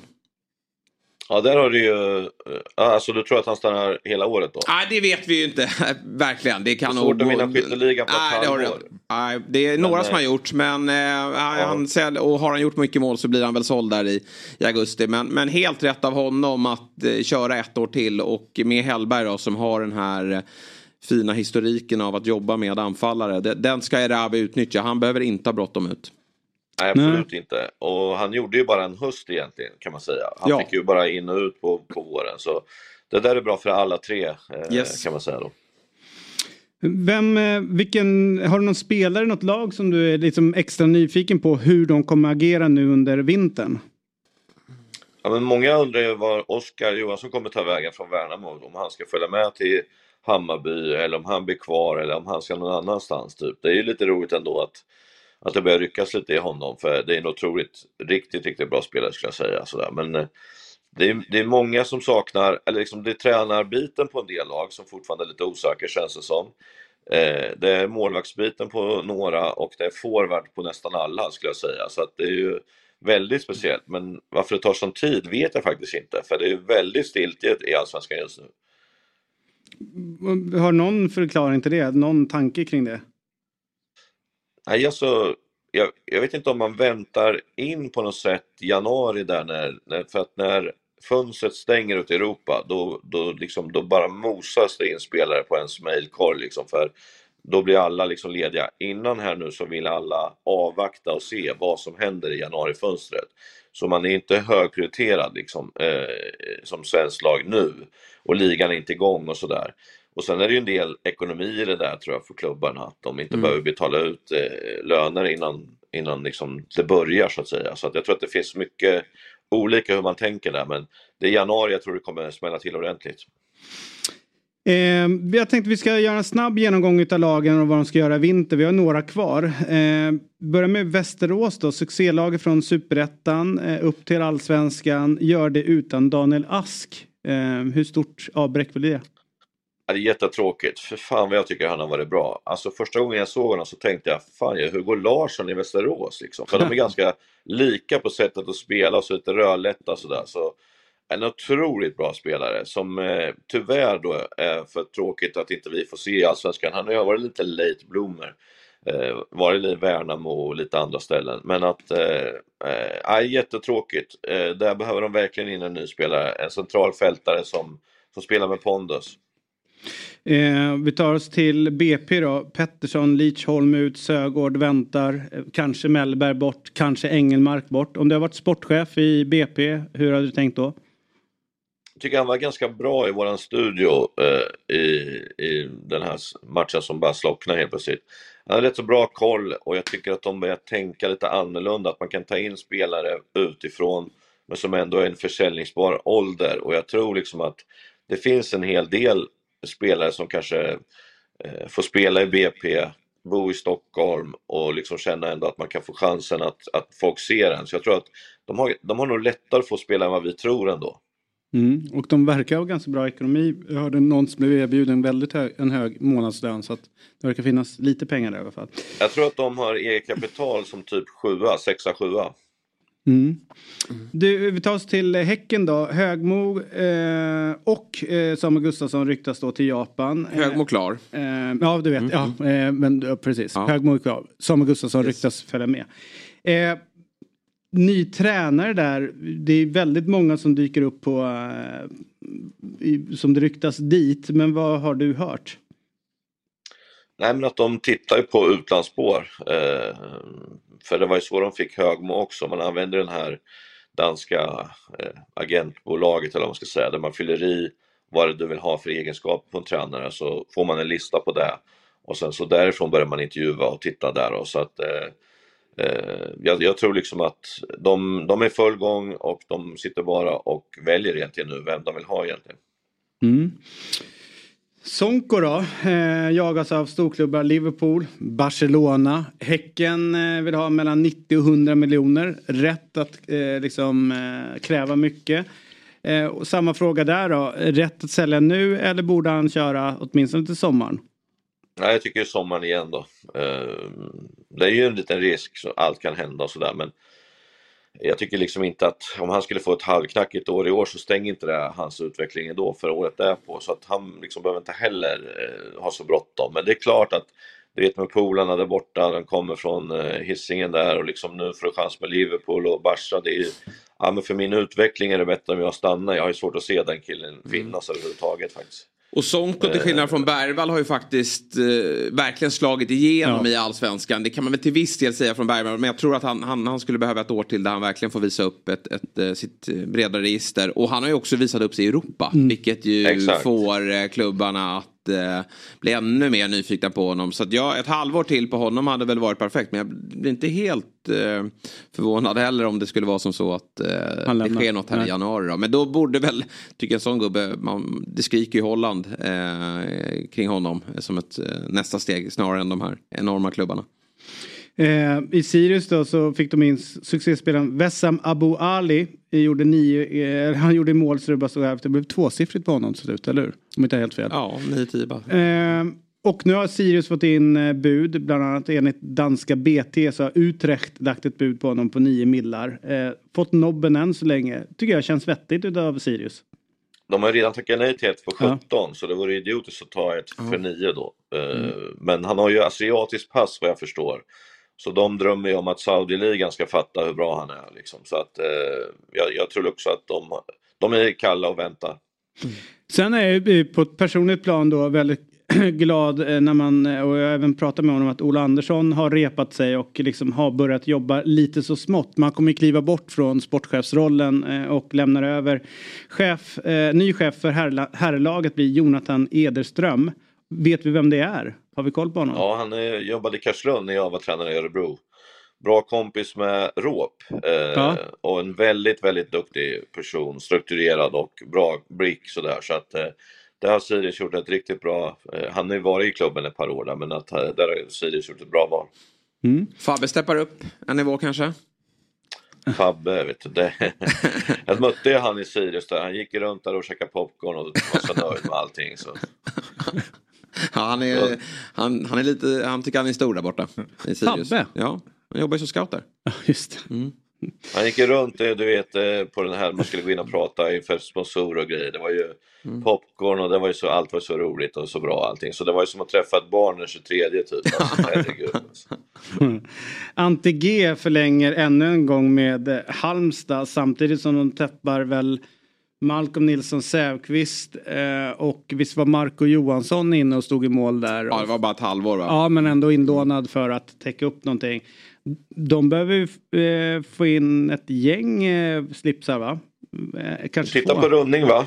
Ja. Eh, I och med att Magnus kontakter med Elfsborg och sådär. Jag tror att det är bra för Elfsborg också att få iväg honom nu. Han är nog inte den som kommer bli etta i Elfsborg. Han har fått sina chanser och det har inte gått riktigt topp, topp sådär. Så att det tror jag är ett bra namn eh, för dem. Sen tycker jag ju att Isma också, som för övrigt var med på planet när vi flög från Örebro till London, borde också röra på sig faktiskt, för han behöver stå. Eh, kan inte bara vara andra slips i, i Malmö och lyfta pokaler, utan han behöver också jobba lite. Så att eh, jag sa till honom att det kanske är dags för dig att flytta på det. Liksom. Mm. Sista eh, laget då, Värnamo som kopplas ihop med Magashi igen och det vore väl en perfekt lösning för alla inblandade. Ja absolut, det har ju inte blivit alls som AIK ville eller han ville så att eh, där ser man lite det här problemet när man spelar ett lite mindre lag, vad det betyder när man kommer till ett storlag och när det inte blir riktigt bra. Han fick ju inte heller perfekta förutsättningar. Eh, så att eh, eh, han, han skulle bli jättebra där borta och han är ju inte den här poängspelaren heller som jag tror många trodde utan han rev ju upp sår för Antonsson och för de här andra spelarna. Och i AIK så fanns det ingen som var Antonsson så att säga, så hans löpningar där försvann ju bara i tomma intet. För det är ju ingen sån här lirare som drar tre och chippar in den liksom, utan han, han är ju mer en arbetare typ så. Och jag tror att man mer, liksom får ut mer saker av honom i, i Värnamo just på det sättet. Men Värnamo är ju också med tränarbytet nu, det är ju, om man pratar om timing så jag säger inte att det är perfekt timing att ta över efter Kim Hellberg i Värnamo. Roligt där med Magashi för att en i AIK som jobbar med att scouta och hålla kontakt med utlånade spelare såg alla Värnamos matcher eh, och sen så när han får reda på att de ska värva mittfältare från Värnamo så blir han så här, fy fan. Nu kanske ni förstår vem det är. Eh, eh, Oskar Johansson, han är hur bra som helst. De bara, nej nej vi tog Magashi. Han bara, men varför? Han har inte varit bra. Eh, så att Det är bra var han ju. Magashi var grym i Värnamo. Han, eh, han sa redan från början, han kommer inte bli bra hos oss. Ja, det är möjligt. Eh, utan han eh, trott det var den andra liksom. Skitsamma. Hellberg kanske tar till Bayern. Ja, något sånt. Det får han göra. Du, eh, tack för den här morgonen. Eh, du kan nu, vad härligt när du får lämna toaletten och gå ut och prata. Eh, slipper prata så att du slipper väcka dina kompisar som anta- antagligen ligger någon annanstans i det här huset. Jag är hyr. typ köket eller vad vi ska kalla det då. Jaha, Och, såg ut som eh, toaletten. Hur ser schemat ut idag då? Åker ni hem eller är det fortsatt dart? Nej, det är min kille som spelar ikväll, Gervin Price. Eh, Ja. Sista matchen 22-15. Eh, det är därför jag är kvar idag. Helvete, jag ska in på den presskonferensen. Men med min tur så får han väl stryk och går ut någon jävla bakväg så jag inte träffar han. Men det är drömmen att få träffa honom. Ta en bild med honom, vet jag, då, kan jag, då kan jag ha ceremoni sen som eh, eh, Stare säga. Mm. Ja, så är det ju. Men eh, eh, jag har en kompis som ligger mitt emot mig här nu i soffan som var på presskonferensen igår med Hemper. Otroligt rolig. Gå in på vårat, eh, vad heter det, Insta, Face eller vad fan det heter, Instagram och Ja. TikTok och grejer. Jag vet inte vad vi har. Han alltså gör intervju, börjar säga på tyska, är det okej med att ta på tyska? Och han skiner ju upp så här, ja, I just kidding, säger han sen på engelska. Och så kör han engelska. Otroligt roligt. Alla tyska journalister skrattar som håller på att dö. Liksom. Det är bra. In och Ja, följ. roligt. In och följ. Eh, på Instabook. Insta- Instaface, ja, Instaface. Instaface. Eh, tack för den här morgonen. Ja, tack själv. Tack, det är ett jävla Axel. jobb för världens fotboll. Och du för darten. Och du på datorn. Hej. hej, hej. Ciao. Hej, hej. Och vi tar en kort paus. Alldeles strax är Myggan med oss. Morgon, god morgon, fotboll. Ett poddtips från Podplay. I podden Något Kaiko garanterar östgötarna Brutti och jag, Davva, dig en stor dos skratt. Där följer jag pladask för köttätandet igen. Man är lite som en jävla vampyr. Man har fått lite blodsmak och då måste man ha mer. Udda spaningar, fängslande anekdoter och en och annan arg rant. Jag måste ha mitt kaffe på morgonen för annars är jag ingen trevlig människa. Då är du ingen trevlig människa, punkt. Något Kaiko, hör du på Podplay. Därför är gardinerna. morgon, woo! Morgon, god morgon, fotbollsmorgon, woo! Då är vi tillbaka i Fotbollsmorgon och vi hälsar Myggan välkommen in i värmen i dubbel bemärkelse. Eh, och undrar såklart hur helgen har varit. Nej men super, jättebra, bra helg. Mm, vad var det bästa med helgen? Eh, det väl det sociala och Ja. sånt där, det var kul. Fotbollen var rätt trist hela, hela helgen tycker jag. Ja, vi ska prata lite mer om matchen igår, Liverpool-Manchester Ja. United när Jonas Olsson dyker upp. Eh, spelet då? Eh, det, Trippen satt i helgen igen.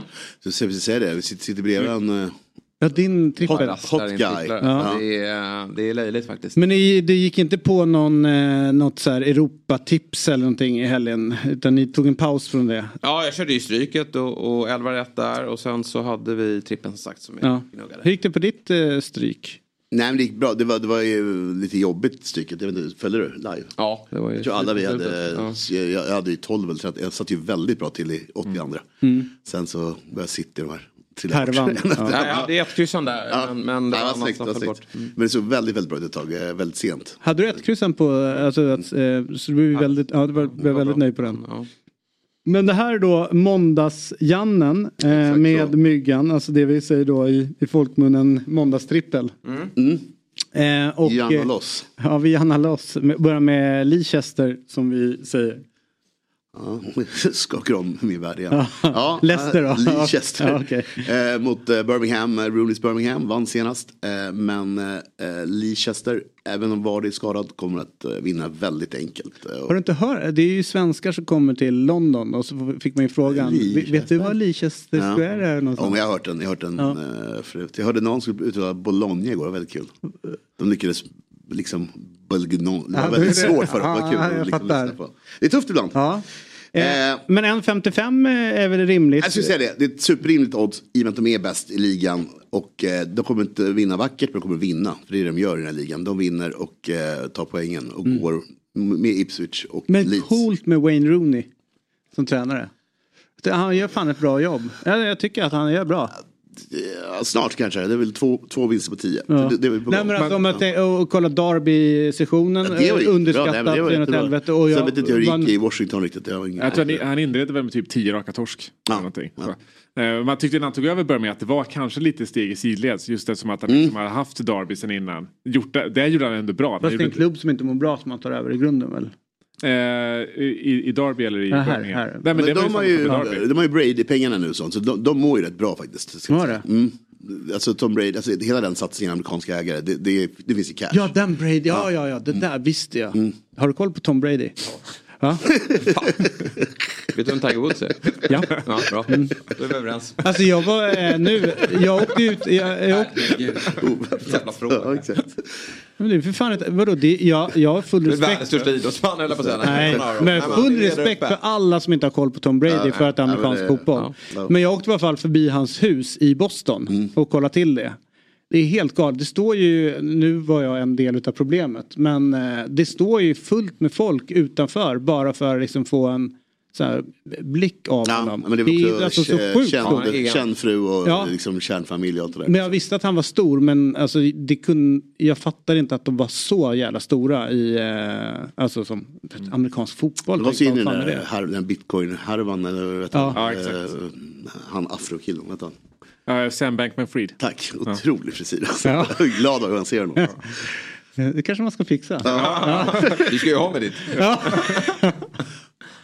Så kan det vara. Ja, härligt. Eh, Sporting Lissabon mot Porto. Vi tar oss till eh, den... Kvällens stora match tror jag. Ja. skulle kunna säga att det är faktiskt. Och eh, jag tror att det blir eh, mycket mål och jag tror att man kan vara, för en modig kanske Gyökeres mål kan vara någonting att Shit, den här var kul. För det är inte jättemycket matcher ikväll. Nej. Och den här ska man verkligen försöka ratta in. Det tycker jag ni ska göra och jag tror att det, det har varit, eh, alltså det är ju det, är ju ligaledarna mot varandra, lika mycket poäng och inte mycket emellan på mål heller.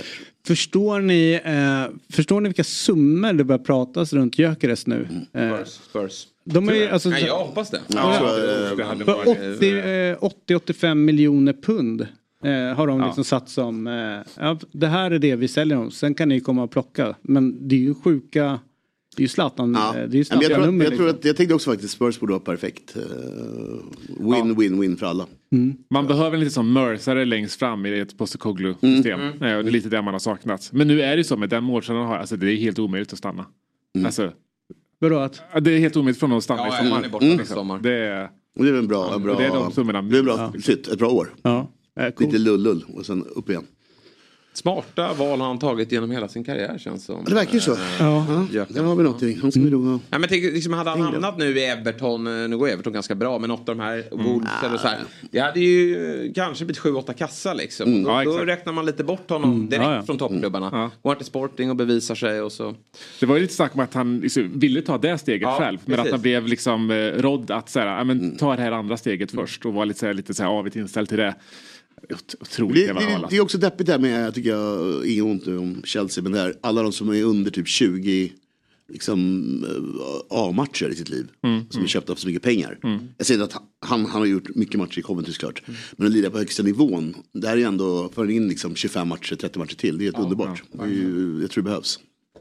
Underskattat. Det är en bra, liksom så här, den ligan har ju sålt stora spelare förut också. Så det, det är en form av garanti där. Och, ja.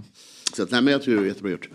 Eh, sist och inte, inte minst Atlanta Salernitana. Det är alltså kanske hetaste laget i Italien efter Inter just nu eh, som möter det sämsta laget. Eh, det blev, eh, ska vi säga då, 8-2 senast när de möttes i, i Atalanta. Jag tror det kan bli något liknande ikväll. Eh, inför den här semestern så tror jag att Atlanta vill fortsätta på sin guldvåg. De har gjort eh, tre och eh, fyra i sina två sista matcher i Atlanta. Så jag tror det blir tre ikväll igen. Eh, lite ont om matcher. Så att den, Ja, det är bra. Är, är man riskig ska man ju gå, gå, gå lite mer, eh, över 1,5. Och det här kommer att ge 7,35. Om du vill rygga spelet så finns det på snedstreck oddset eller så finns en QR-kod eh, högst där uppe. Och Svenska Spels eh, eh, Sport och Casino AB är här spelet är från och åldersgränsen är 18 år. Stödlinjen.se finns om du upplever problem med ditt spelande. Uh, härligt. Nu ska vi prata med en ung man Uh, och jag betonar ung eh, som har fått ett mäktigt uppdrag. Det är nog inte jättemånga som är bekanta med 33-årige Alfred Johansson från Eskilstuna. Men om man är en trogen följare utav Dobb eh, TV och våra program där så vet man att han har varit med här. Så vi kan säga att det är vår grabb som nu har fått ett nytt jobb och det är i Norge, i eh, eh, Rosenborg. För han var ju med när vi hade de här EM-månaderna. Så eh, var han med och eh, pratade. Även i tillsammans 352. 352 också. Så att eh, det här är en kille som vi äger kan man säga. Rakt av. Han är från Eskilstuna. Han har varit i Djurgården. Han har varit i AIK. Senast FCSK. Men nu alltså ett tungt jobb. Och jag har varit och kollat lite grann om eh, hur det har tagits emot i Norge. Och han har fått väldigt fina omdömen från många som har jobbat nära honom. Eh, och eh, Ståle Solbacken, förbundskapten, säger att det här är en kommande stortränare. Så vi säger hjärtligt välkommen tillbaka eh, och eh, hem till Dobb. Eh, och det nya då programmet för dig då, Fotbollsmorgon. Alfred, hur är läget? Tack ska du ha. Ehm, det är bra. Det är bara bra, tack.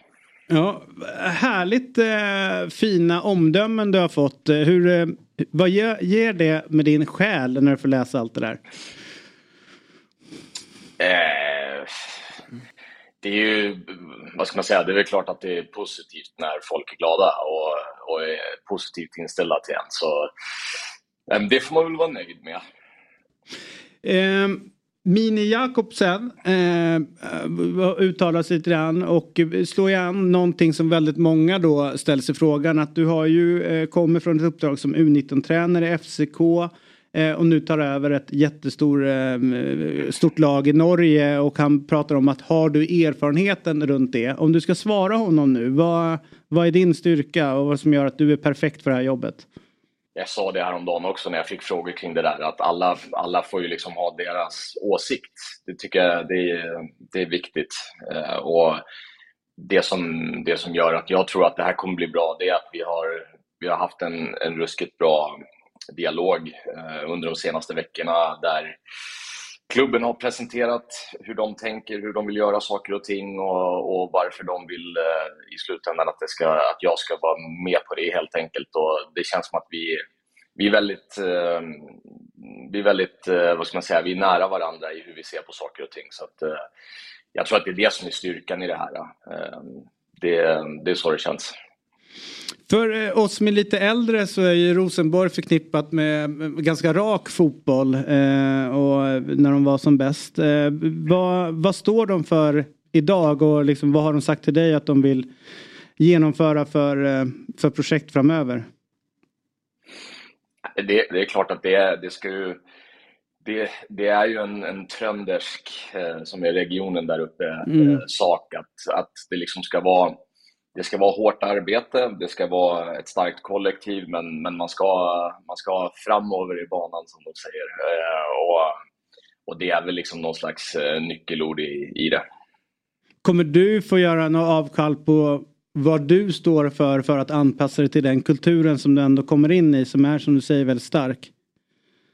Nej, ing, ing, inget, inget avkalls, utan jag tror snarare på att du behöver ju alltid som, som tränare i, eh, i fotboll, oavsett vilket, vilket lag det är du hamnar i, så, så måste du se till kontexten och, och skruva på vissa saker och ting. Men det är ju liksom vissa fundamentala bitar, i, eller många fundamentala bitar i, i, eh, i mitt tränararbete som de liksom har valt mig utifrån. Så därför så, så, så finns det liksom inga, inga tankar att behöva göra avkall på saker och ting, utan snarare att okej, okay, hur får vi just de här, de här spelarna att och, och prestera i, i den ramen liksom. Vad, vilka fler steg har du tagit sedan du lämnade Sverige ner till Danmark? Vad, vad, vad finns det där som du plockade upp där, som vi kanske har att lära i Sverige? Ja, det är, det är en bred fråga. Den klubben jag har varit i, där är det extremt mycket duktigt folk, extremt massa duktiga spelare. Eh, en väldigt, väldigt avklarad strategi som de, som de kallar det här i Danmark. En väldigt, väldigt eh, avklarad modell för, för hur saker och ting görs och, och det är klart att jag har, eh, har lärt mig otroligt mycket där. Och, och nivån i, i Danmark är väldigt hög på, på ungdomssidan och, och, och vi har liksom fått rest Europa runt och, och spelat matcher på hög nivå och, och lärt oss mycket av, av andra ute i Europa också. Så jag, jag har lärt mig en hel del saker. Mm. Hur lyder, i och med att du kommer då från eh, U19 i Danmark, och har jobbat med unga spelare. Hur låter Rosenborgs strategi gällande eh, unga spelare? Är det också ett, liksom ett steg som de vill ta i samband med att de rekryterar dig? Alltså de har redan en, en ganska eh, låg genomsnittsålder på, Mm. på truppen och, och den egna akademin är viktig för Rosenborg och det ska den, det ska den vara fortsatt. Jag är ju väldigt nyfiken eh, på den här Sverre Nypan som imorgon såg jag fyller 17 år och har ju varit eh, typ ordinarie här under hösten och gjort det fruktansvärt bra. Vad, hur bra kollar du på honom och, och vad, hur pratar man om honom i, i norsk fotboll? Nej, men det är klart, jag, för det första så jag, har ju haft en, en halv säsong att avsluta i, i FCK där vi har spelat många, ruskigt många matcher. Så jag, jag har en, eh, en semester här nu där jag ska sätta mig mer in i, i Rosenborg än vad jag har gjort. Men jag har ju sett några matcher och jag har sett eh, lite klipp på honom ut, utöver de matcherna jag har sett med honom. Och det är klart att det är en, eh, en spännande spelare som, som, eh, som vi förhoppningsvis kommer att ha stor nytta av i Rosenborg framöver. Eh, och, och sen är eh, eh, diskussionen, eller vad ska man säga, snacket där uppe, det jag har tagit till mig, det är ju såklart att det är, det är en stor talang som har, men som samtidigt har eh, kanske i, i tröndersk anda båda fötterna på jorden och är hårt arbetande och har fokus på och, och utvecklas. Ja, det är roligt att den här andan kommer du säkert spy på när du är klar där uppe i, i Norge. det hör man redan nu. se. Det hör man redan nu. Men hur ser din personliga målsättning ut? Du, liksom, vi är ju som så här i Sverige att vi har ju inte haft, eh, vi har ju svårt att få ut tränare utanför våra gränser. Och här kommer då en, en 33-åring som först gör det bra i en storklubb i FCK, alltså tar sig till eh, åttondelsfinal i, i Champions League nu, även om det var i U19 som du jobbade och ni var väldigt framgångsrika. Du tar ett topp, en toppklubb i, i Norden. Vad, du bryter ju barriärer här. Vad, vad, hur ser din eh, målsättning ut framåt? Jag vet, inte hur många barriärer jag har brutit, men, men alltså det, det, jag har ju haft eh, svenska tränare i, i Rosenborg tidigare, så det, det, jag tror för egen del så mitt fokus är ju, är ju såklart att, att det ska bli bra det här nu och att vi ska ha en bra försäsong och att vi ska kunna sätta, sätta principer i, i, ute på träningsbanan och, och, och spela bra matcher på Lärkendal. Och så, och så ja, vad, vad händer om eh, tre, sex, nio och så vidare år? Det, det får framtiden visa. Men de karriärsvalen du har gjort hittills. Eh, bara det att du lämnar eh, Sverige och, och tar steget ner till Köpenhamn. Hur medvetna har de varit då i, i form av att bygga en karriär? Eh, alltså, jag, jag tänker att en så ambitiös man som du ändå har en eh, någon form av idé om din framtid. Ja, men alltså jag, jag skulle... Jag har, jag har alltid tagit medvetna val utifrån att jag, jag gillar utmaningar och jag gillar att, att känna att jag liksom eh, blir bättre. Och ehm, när jag, när jag känner att jag, att jag liksom inte utvecklas, då, ehm, då, då kan jag bli ganska rastlös. Och, ehm, och då måste jag försöka hitta någonting som, som gör att jag får den känslan igen. Och det, det behöver inte betyda att jag byter klubb eller sådär, men, men eh, den gången jag, jag, jag drog till, till Köpenhamn första, första rundan så, så var det liksom, eh, då var det faktiskt ingen tvekan om att det var en otrolig möjlighet eh, efter några år i Stockholm och, och lära mig nya saker. Och, och det har liksom alltid varit mitt fokus. att eh, Långt ut i framtiden så, så vill jag liksom bli så bra jag bara kan och, och för att bli det så, så tror jag på att man ska gräva där man står. Har du någon favoritliga? Alltså nu vet jag, låt oss drömma några sekunder nu och inte vara så realistisk. Du har snart semester och har inte börjat något nytt jobb. Så att, finns det någon dröm du har framöver? Eh, klubb eller liga? Att det här, där ska vara jävligt roligt att testa sina vingar. Nej, men det är, jag, Champions League är ju en målsättning för mig långsiktigt, definitivt. Det, det, även om de gör om formatet nu så, så förhoppningen är väl att det ska fortsätta vara lika fantastiskt som det är idag. Så har stått i, i parken när, eh, när hymnen går igång, det, ja, det, det är läckert. Vem har du som förebild som tränare? Vem, liksom, jag förstår att du tar efter många, men, men är det någon så här speciell person som du kollar lite extra på just nu?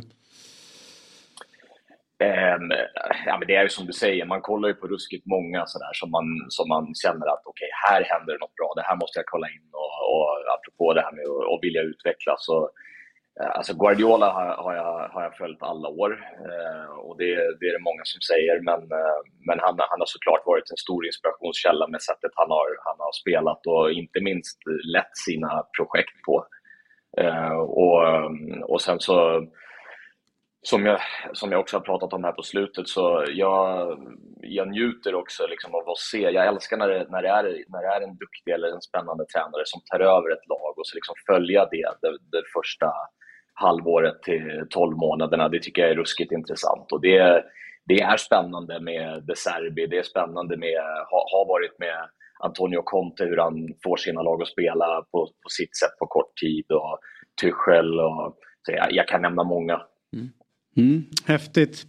Hörru du, eh, lockar allsvenskan någonting? Eh, Alltså, vad, vad, vad, hur står den sig? Du har ändå haft ett härligt utifrån perspektiv nu på, på allsvenskan. Vad, vad, hur går snacket kring den utanför våra gränser? Nej men alltså den, den, eh, den ligan har ju en, en definitivt ett, ett gap till, till till exempel Danmark. Då. Och det, det finns massa duktiga fotbollsarbetare och så i Sverige så det är liksom inte där eh, problemet eh, ligger, eh, om det ens är ett problem. Men, men det, jag, jag tror att det definitivt finns en möjlighet att bli mer ambitiös när det gäller framförallt ungdomssidan som, som jag har pratat en del om senaste perioden och, och där, där tror jag att både liksom förbund och, och mm, inte minst distrikt behöver, eh, behöver kanske bli lite mer ambitiösa och försöka skapa en bra fotbollsutbildning, inte för bara eh, breda massan utan även för de som är, som är mest ambitiösa. Och det, på det sättet så tror jag även att, att klubbarna hade, hade fått lite lättare att göra ett bra jobb. Mm. Eh, låt oss hålla kontakten. Vi, vi har ju börjat kika lite grann på den norska bollen och eh, det som händer i Vålerenga, Lilleström och så kommer du dit och så vidare. Bode Glimt finns. Det, det tar emot men nu när vi ändå har en av våra som man får säga Ja, där borta så måste vi kul. följa det. Så att eh, lycka till eh, och eh, ha en härlig semester innan du kliver på eh, uppdraget i, i Rosenborg. Stort tack hörni. Tackar. Tack, tack, tack. Hej då. Hej hej. Svårt att hitta en bättre Norgekåre för oss. då. Eller, men det är, vi säger ju liksom förbundskaptensdiskussionen nu är ju att vi inte riktigt har något givet val. Men jag tror att när nästa vända sker, vilket inte förhoppningsvis blir om sju år, år, ja. och lite, lite kortare cykler, eh, så tror jag att vi kommer ha ganska många att välja mellan. Ja det tror jag. Kanske inte eh, till nästa just för att jag tänker Kim och Alfred och alla är ganska eh, nya på att sätta fart. Eh, jag tror det, det känns som att många ser det som att det är, eh, det är inte vägen framåt. Men eh, vi har många där. Morgon! Ett poddtips från Podplay. I fallen jag aldrig glömmer djupdyker Hasse Aro i arbetet bakom några av Sveriges mest uppseendeväckande brottsutredningar. Går vi in med hemlig telefonavlyssning och, och då upplever vi att vi får en total förändring av hans beteende. Vad är det som händer nu? Vem är det som läcker? Och så säger han att jag är kriminell, jag har varit kriminell i hela mitt liv men att mörda ett barn, där går min gräns. Nya säsongen av Fallen jag aldrig glömmer på Podplay. God morgon, fotbollsmorgon! Woo! Morgon, god morgon, fotbollsmorgon! Woo! Nu ska vi ta oss till eh, jag ska säga att det kan vara en av de vassaste experterna just nu i Mm. fotboll. Kanske den vassaste experten i Vet, fotboll. vet du vad jag tror att han har gjort? Det ser Nej. väldigt fint ut Ja, där han sitter. Han har gjort en Åslund och Ja, graderat jag upp jag säga. Det Och har ju han alla möjligheter till. Ja, absolut, för eh, det där kontot eh, det är välfyllt efter många år i, i, i England eh, och i Holland. Om man inte glömmer bort. Men här sitter han, eh, inte bara bäst eh, utan snyggast. Eh, och vi säger välkommen till Jonas Olsson till detta program som vi kallar för Fotbollsmorgon. Och det är i Liverpool du sitter va? Ja, det är. Jag sitter fucking förberedd som Åslund hade sagt, om, på tal om honom. Ehm, jag sitter, nu är det lite problem med länken kanske. Hör ni mig? Ja. Hackar lite. Ehm, Manchester, jajamän. Var på matchen eh, Liverpool-Manchester igår. Mm. Hörru du, vad tycker du om matchen då? Eh, underhållningsmässigt så var det väl inte någon jättematch. Man har högre förväntningar. Och känslan var väl lite att efter matchen att United kom med, med inställningen att vi åkte på 7-0 här senast. Vi kommer foka bara på försvarsspelet. Vi tar ett 0-0. Vi tar till och med 0-1. Så, så var känslan. Ehm, men utifrån det så gjorde de det bra. De var välorganiserade. Varann höll ihop försvaret tillsammans med Johnny Evans och, och Dalot som gjorde en jättefin match också. Och Liverpool kom inte riktigt upp i nivå eh, i sista tredjedelen. Så att, ehm, ja, ingen jättematch utifrån förväntningarna.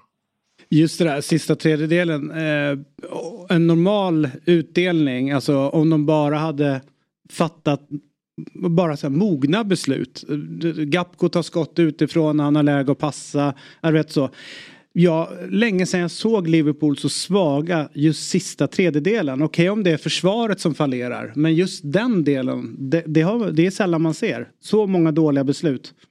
Ja, jag håller med. Och, menar, de gjorde det bra som Liverpool brukar göra på Anfield. Det vill säga vinner tillbaka bollen, får tryck därigenom. Men sen hade de, just på de här lägena med Gakpo, även Salah var blek tyckte jag. På, på kanten när han driver in och brukar hitta de här insticken. Det var liksom inte kvalitet i dem på, på det sättet man, eh, man är van att se dem. Kul att du nämner Evans och eh, Varann. Eh, som ändå liksom, Evans, varför ska du ta tillbaka honom? Vad, vad gör han här? Och Varann med sin beef får man ändå säga. Med Ten Hag. Eh, gammal äldst på något sätt. De, de gör det ju inte överraskande bra. Men det är ju inte det att Evans ska hålla 2023. Men han gör ju faktiskt det i den här matchen. Ja men det gör han, men utifrån de premisserna han pratar om. När man försvarar lågt, när man tvingar Liverpool till inlägg. Då är han ju en, en bra försvarare. Men så fort man vill spela med lite högre backlinje, ja, men då har han ju brister såklart i, i sin snabbhet. Och man kan väl tänka sig att om United har högre ambitioner än vad de ligger nu så, så bör de ju spela eh, lite mer offensivt än vad de gjorde igår. Och då kanske inte Evans valet, skulle jag säga. Nej. Ten Hag är ju lite expert på att hitta nya liv. Eh, när man tror att man ska räkna ut honom, när det kommer liksom stora torskar komma, då hittar han ett nytt sätt Mm. eh, att, att, att överleva. Och, jag vet inte, vad tycker du Jonas kring eh, Mainu där? Det känns som att han har envisats lite med att inte spela någon så mycket som han kanske hade velat. Men nu när han väl liksom kommer på plats där, då, då täpper det till också eh, li- lite mer bakåt. Nu hade Liverpool ändå såklart kunnat eh, få, få in bollar ändå. Men, men tycker du det är konstigt att han inte har spelat honom mer? Ja, men man ska, men hans, hans ålder också. Jag, jag tror också så här, ska, ska du in med en 18-åring, det, det är väl det är liksom lätt i ett lag som funkar, som Arsenal, eller som City förra året. Att komma in som 18-åring i ett lag som är skadeskjutet, det är inte, det är inte helt lätt. Och där, där tror jag det är ganska viktigt att, att eh, liksom, ta den processen ganska långsamt. Han fick ju sitt elddop igår, skulle man kunna säga. Hans första riktigt stora match och var väldigt, väldigt bra tyckte jag. Inte bara defensivt, men även även med boll. Om man säger, nu var inte United jättekreativt mittfält. Det var McTominay, Amrabat och, och Mainu. Men det var ju ändå genom eh, Magnus, som, som, eh, som spelet gick. Det, det, den, den kreativitet som, som fanns i stunder hos United fanns ju hos honom. Så eh, jag tror vi, vi, vi kommer att se honom eh, få mycket mer speltid framöver. Synd att United inte hade bättre offensiva spelare igår. För det, det fanns ju omställningslägen när Liverpool tryckte på som mest där. Men det är ju alldeles för dåliga fotbollsspel på plan. Nu har de Bruno Fernandes avstängd. Rashford kommer ju in men han är ju väldigt svag för, för dagen. Och Höjlund får det där läget. Det har ju gått alltså 13 Premier League-matcher utan ett mål nu. Och det, det är ju för dåligt. Vi kan prata hur mycket potential som helst så att det där kan bli bra. Men det, du värvas för en ganska ordentlig prislapp och du måste kunna leverera till viss del här och nu också. Så att, det- och, och ja, vi ska inte ens prata om hur dålig Anthony är. Så att det, det är synd för Uniteds del att de inte har bättre spets i de här spelarna. För då hade de till och med kunnat lämna den där planen Med- med, tre poäng. Det hade varit jätteorättvist sett i matchbild. Men, men eh, fullt rimligt hade det kunnat vara. Ja, både, ja, noll mål Anthony, noll mål Höjlund. Liksom, det är inte bara det. Det är liksom inte bara det. Man ser Anthony när han spelar. Han spelar för sig själv. Det känns som att han spelar five-a-side på träningen. Höjlund som är någonstans på planen också för att bidra med fysik som uppspelspunkt. Han vann liksom inte en duell. Så hade visserligen van Dijk och Konaté emot sig. Men, men alltså, det- måste du ändå kunna kräva av spelare som har kostat 75 miljoner pund plus. Jag fattar att det kan ta tid för spelare att, att, att anpassa sig, att, att, att hitta timing och så vidare. Men, men de liksom basala grejerna måste du kunna kräva av dem. Och, och då, de fanns där inte igår och de tycker inte har funnits, absolut inte för Anthony, eh, detta kalenderåret. Och Höjlund har ju glimtat till och varit bra i Champions League men, men man kommer inte ifrån att, att eh, det man ofta pratar om Premier League med eh, att den är väldigt annorlunda de flesta andra ligorna. Fysiken, tempot, där är han ju inte eh, än. Och man, jag tycker inte man ser någon förbättring utan snarare, snarare tvärtom. Hur mycket kan man eh, värdera Ten Hag då? Eh, jag gick igenom och kollade skadelistan. De köpte ändå in Casemiro för att han ska vara den som sitter på mittfältet. De lägger in mycket pengar på Mason Mount och så vidare. Så det är så sjukt många spelare, eh, duktiga ordinarie spelare som är skadade. Och ändå så lyckas han ju ändå liksom skapa fram resultat. Och det känns inte som att det är med i när, man, när folk kritiserar Ten Hag skadelistan. Utan det är liksom bara resultaten. Men det är ju det är kvalitetsspelare han inte kan ha på planen nu. Ja, så är det ju. Jag tror det är två delar i det. Man, man kommer inte ifrån, som, som Klopp sa på presskonferensen igår, att, att men alla pratar om eh, United som liksom eh, årtiondets sämsta lag. Och det har ju att göra också med att de flesta pundits här i England, som Roy Keane, eh, Neville, de är väldigt kritiska med United. Men man ska inte göra förra månaden var Ten Hag månadens manager, Harry Maguire var månadens spelare. Sen kan man ha åsikter om den utnämningen, men, men det säger ju någonting om, om att det inte det är inte bara mörker. Men, men i det så får man också ta med bedömningen av Ten Hag då. Vi som är inne på Fjäll, liksom, ja, han har skadade spelare. Men, men i dem, i det så någonstans så, om man kollar på de spelarna han har köpt. Är det någon spelare som, som, som har ökat sitt värde? Har Martinez gjort det? Nej. Har Anthony gjort det? Nej. Har Mason Mount gjort det? Nej, det har han inte. Höjlund absolut inte. Och det får man ju ta med i bedömningen när man pratar om var han är på väg. Han pratar om process. Eh, det är någonstans säger ganska mycket tycker jag. Eh, om man pratar identitet så är fortfarande United ett lag som i nästan alla matcher tycker jag reagerar på motståndet. Liksom. De, de, de agerar inte själva, de har ingen tydlig plan med vad de vill göra offensivt. Utan det är precis som att, ja men nu har vi matchen här, den här matchen har tagit denna vägen, då, får- då får vi reagera på det. Det är svårt att hitta en eh, kontinuitet eh, prestationsmässigt tycker jag med, med en sån, eh, sån infallsvinkel. Det håller jag för, Det ser man ju på matchbilden Mm. till och med. Att de inte riktigt vet vid uppspel vad, vad man ska göra. Det finns ett annat lag som har blåa kläder på sig som har samma problem i, upp, i, i känslan. Eh, du, eh, jag tänkte vi ska, måste ju prata om Dejan Kulusevski också. Eh, vilken vecka kan gå ut och berätta att han ska få tillökning. Mm, så det blir kul. kanske en liten junior där. Eh, och, och ett plus ett. Eh, och du måste väl vara helt lyrisk efter den insatsen. Ja, verkligen. Jag tycker det var väldigt roligt det här med, med målet också med, med hans firande. Han hade uppenbarligen då sagt till lagkamraterna att så här, jag, eh, jag ska bli pappa, jag vill fira genom att lägga bollen under tröjan. Det första Richarlison gör är att tjongar iväg bollen. Ja. Sen, sen så inser jag, fan också, han har ju sagt det där. Så han går och hämtar en till boll och ger honom. Eh, så det, ja, det, är, det, är, det är inte jättemånga hjärnceller alltid. Brassar. Ja, just exakt, exakt. Men, nej, men otroligt och så roligt nu med Dejan att han, att han gör det nu när han äntligen får chansen i den här lite tia-rollen i Madisons frånvaro. Och här har han ju verkligen eh, accelererat. Eh, och kollar man på alla egenskaper han har så jag, jag tror att det är där han har sin framtid som, som världsspelare. Om det är så vi ska liksom se honom framåt. Eh, och sen så, för, för det, det är ju en svår match här. Det här är ju egentligen första matchen i år där Tottenham inte riktigt kan spela sitt spel på grund av hur, hur, hur Nottingham eh, ställer upp. Och då, det är då han går fram och är sitt absolut bästa jag. Eh, så det, det, är- det är några matcher nu när han inte bara har varit liksom sitt, eh, varit en bra form utan säga, ja, men det bästa vi kanske sett det i. Ja, jag måste hålla med och det är ju sådär att det är svårt för ibland brukar man säga att spelare har det tufft för att de har, de har en svag omgivning och att de inte får rätt bollar att jobba med. Men i Kulusevskis fall så är det ju ett Spurs som precis som United då eh, har en enorm skadelista. Men där vill jag bara göra skillnad i att Spurs spelar ingen roll vilka de skickar in. De blir ju sämre som lag för de har sämre spelare. Men man ser ju långsiktigheten, man ser ju vad Postecoglou vill göra. Och alla spelare vet hur man ska spela. Så är inte fallet med United. Men i Kulusevskis fall då, många spelare borta. Eh, och eh, han bär laget just nu. Eh, på sina axlar. Och jag tycker det är otroligt häftigt att se och som, som Per är inne på. Hur svensk fotboll ska kunna använda sig utav honom också. En mer centrerad roll, mycket boll, komma rättvänd, sticka in bollar till, till andra offensiva spelare som vi faktiskt har i svensk fotboll också. Så att, eh, nej, häftig insats. Jonas, du som ändå har eh, lirat i ligan och det var inte jättelänge sedan dock. Eh, hur imponerad är du utav det som Dejan gör? Ja, jag har varit imponerad av, det sen, sen dag ett. Pratar vi anpassningstid och anpassningskurva. Han, han presterar egentligen från, eh, eh, från första dagen han var i Spurs och har gjort det över tid.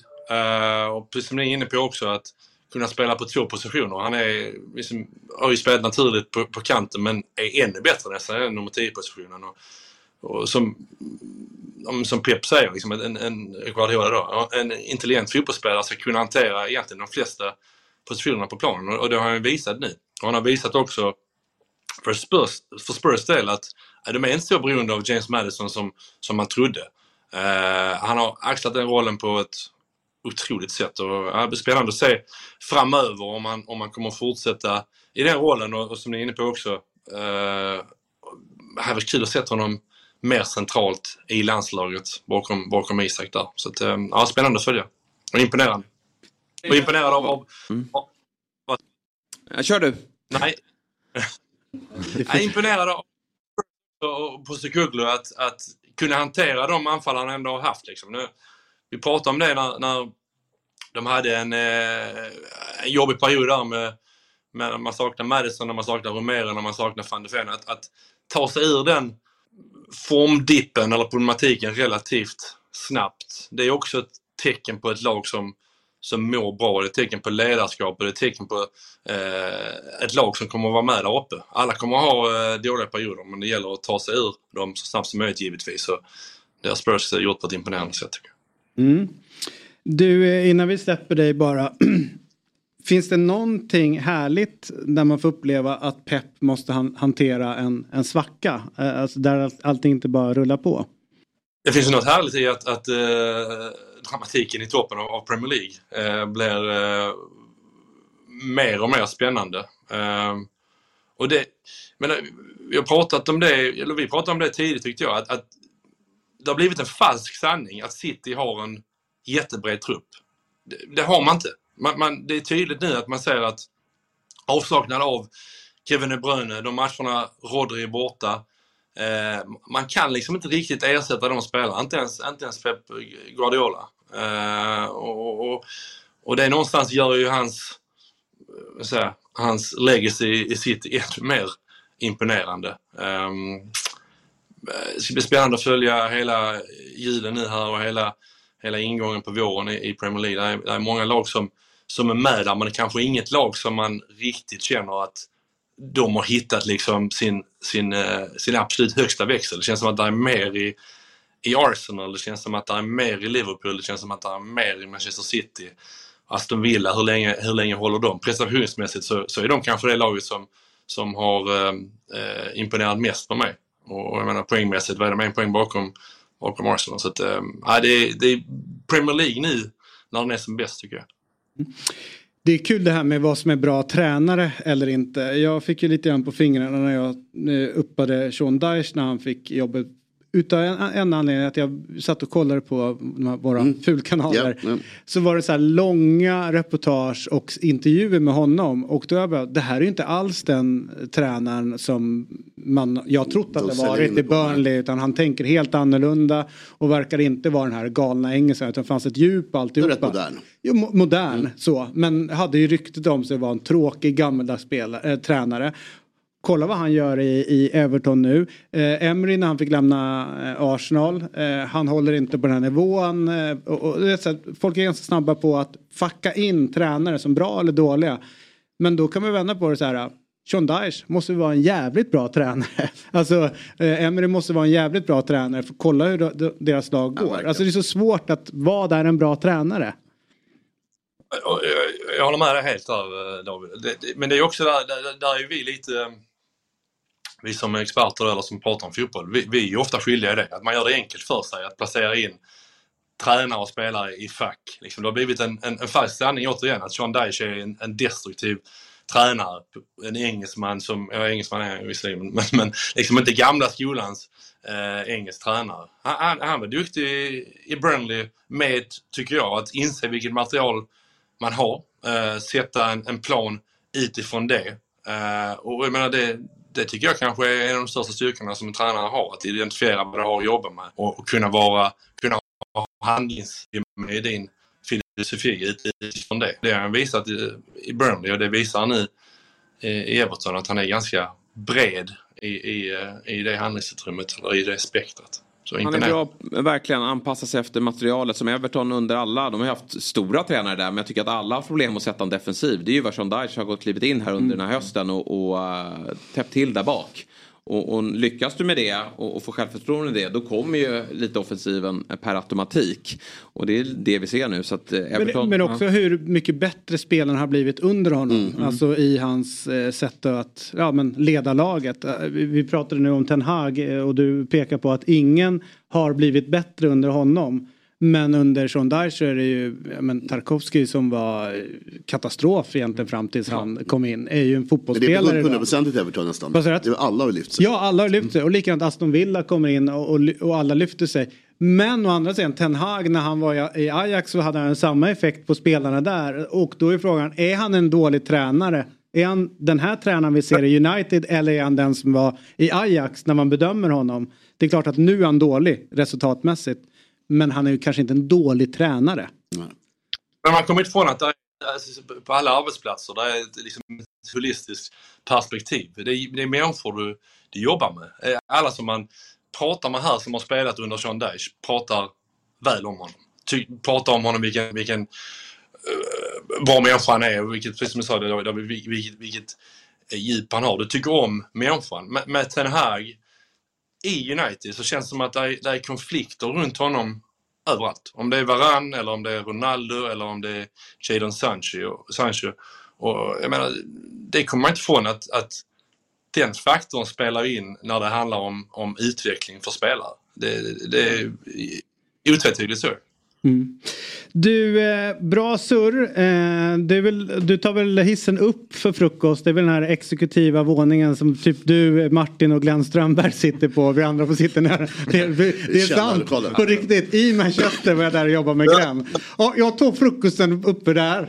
Jag bara, vad, eh, det är väl nere här vid bottenvåningen. Nej, nej, nej, jag har det här kortet. Så gick han upp och käkade där. Så att, eh, lycka till där uppe. Det är bra utsikt över stan. Härligt. Vi... Mer Premier League i Big Six också. Ja. Som vi spelar in här efter. Ja, vad surrar ni? Jag vill prata om Peps byten får ni ta upp. Ja. Att han inte byter någonting. Nej, som ligger sist Så gnäller han ändå på tight spel. Ja, Exakt. det är- Så kör samma spelare. Kovacic och det var mycket bra spelare på bänken i Dallas. Ja. Mm. Han litar inte på honom. Det där är typiskt pepp. Att så här, du har inte varit tillräckligt bra på träning. Det finns ingen anledning till att jag ska ta in det här. Min hatgubbe Calvin Phillips var kvar på bänken trots mål i veckan. Mm. Det är din hatgubbe. Nej men slänga bort sin... Ipswich, Alltså, nej men att, att, nej, nej, nej, men att, men att ha Ja, en... Att, att ha eh. Att ha, att ha en karriär i Premier League Elite som var så bra som han var och välja det här, det, här det, det jag tycker det är så... Eh, det är en skymf. Alltså, Mot alla oss som inte får spela i Ja, men Premier också League. för att det, så hög är inte lönen, alltså, det är inte ens pengarna knappt. Vi pratar här. Det är bara Men att vara med så här, man kanske vill vara nära på Guardiola. Alltså vet man går för tränaren. Han är för bra för det. Alltså. Kanske. Det är liksom... Vi måste ta eh, en paus nu, strax tillbaka. Morgon, god morgon, fotbollsmorgon. Woo! Då är vi tillbaka i Fotbollsmorgon. Eh, David Fjell, eh, Jesper Hoffman, eh, Per Frykebrant är med oss och dessutom är med oss en otroligt klok man. Eh, ska vi säga att det nästan är På spåret material. Han är statsvetare, skribent, författare till böckerna Fotboll, krig och fred och propagandafotboll. Eh, vi konstaterar att fotbollen påverkar samhället och har tydliga kopplingar till politiken och det kan vi se hur makthavare eh, utnyttjar. Eh, och vår nästa gäst vet allt om detta, alltså fotboll och politik. God morgon, hjärtligt välko- välkommen eh, Ekim. Tack så mycket. Får jag gå nu eller? Ja. Efter det introt så är det liksom, det finns ingenting mer att tillägga. Nej, nej. Otroligt nice. Exakt, och du kan bara gå neråt. Ja, Eh, precis. Ju mer du öppnar munnen nu så desto dummare framstår det. men kan allt också så här. Ja. Nu får man inte falla på någon så här detalj heller. Nej men god morgon, trevligt att vara här. Ja. Hörru du, eh, du har dina rötter i Turkiet och eh, i förra veckan så skakades ju fotbollsvärlden av en häpnadsväckande händelse i den turkiska ligan. En domare attackerades av Ankar Gushga. Ankara Gücü. Tack. President eh, eh, Faruk Koja. Koja under en match. Eh, Den turkiska, det turkiska fotbollsförbundet valde därefter att pausa landets ligor på på obestämd tid.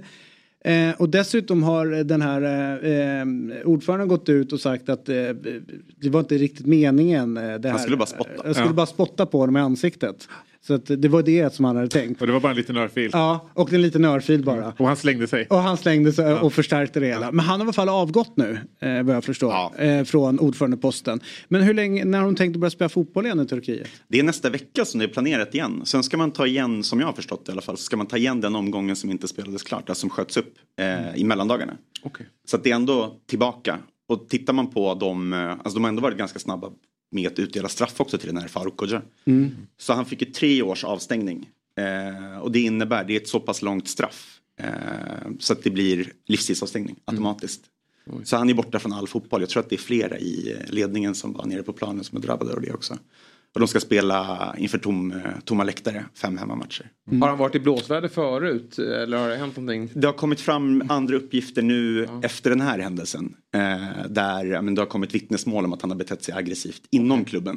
Men han har ju fått fair play-pris tidigare. Så det är Mm. Snarare, snarare så att han har haft ett rykte om sig att vara eh, en av de bättre. Men det här är ju, det har ju pratats mycket om det såklart. Det är en stor världsnyhet, ännu större nyhet i Turkiet såklart. Eh, vi har sett det här komma under lång tid, alltså i turkisk fotboll. Det har varit så heta känslor, ja, men, det är nästan det första man tänker på hur det ser ut på läktarna.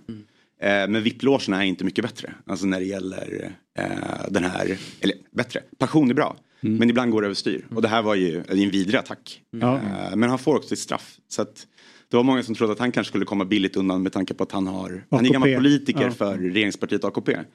Eh, var med i liksom den grundande, eh, alltså grundargruppen eh, och satt i parlamentet två mandatperioder för det partiet. Så att, men det har han inte gjort. Eh, man har tagit bort sin hand. Är han polare med Erdogan eller?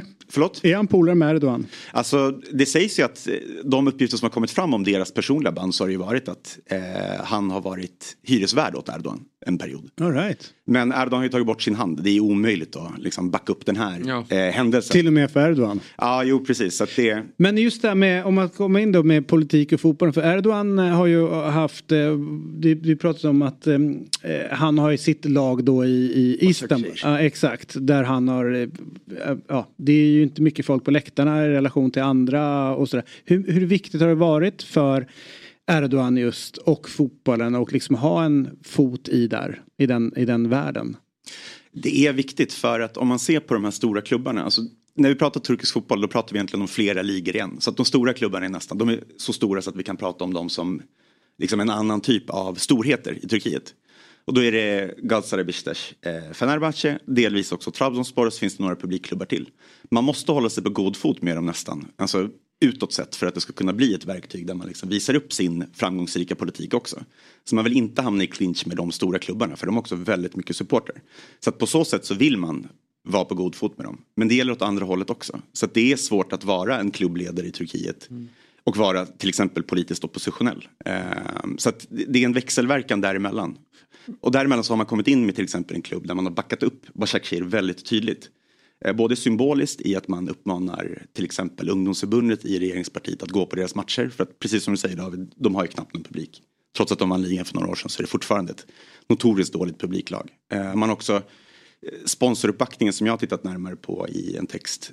Så märker man att det är väldigt många regeringsnära företag som är där. Och presidenten är en lokal AKP-politiker i Istanbul. Så att de banden går inte att liksom blunda för. Men det, det är ganska många av de här klubbarna som har ledare som har ganska nära band till, till AKP. Visst är det så? Så är det. Och varför, var, hur har det blivit så? Eller varför är det så? Man, skulle, man vill nästan hitta en eh, bild av att man liksom medvetet har placerat människor på olika platser. Jag tror att man behöver inte vara konspiratoriskt lagd. Jag tror att mycket också handlar om att man behöver starka ledare, fotbollsledare i Turkiet. För att det är extremt mycket konkurrens mellan de här klubbarna strax under toppskiktet till exempel. Som gör att har du politisk och ekonomisk uppbackning då kommer det vara lättare att vara en framgångsrik klubbledare.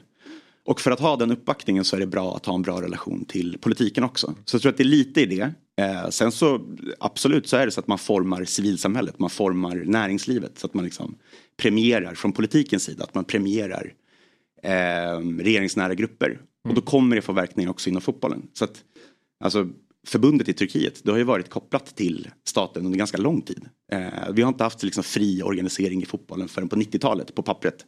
Men sen har det också funnits politiska påtryckningar som det verkar åtminstone för oss som ser det utifrån. Så att alltså, turkisk fotboll är politiserad. Eh, men jag tror inte att det kan finnas en bild av att ja, men nu går Erdogan in som ett schackbräde och gör precis vad han vill i fotbollen.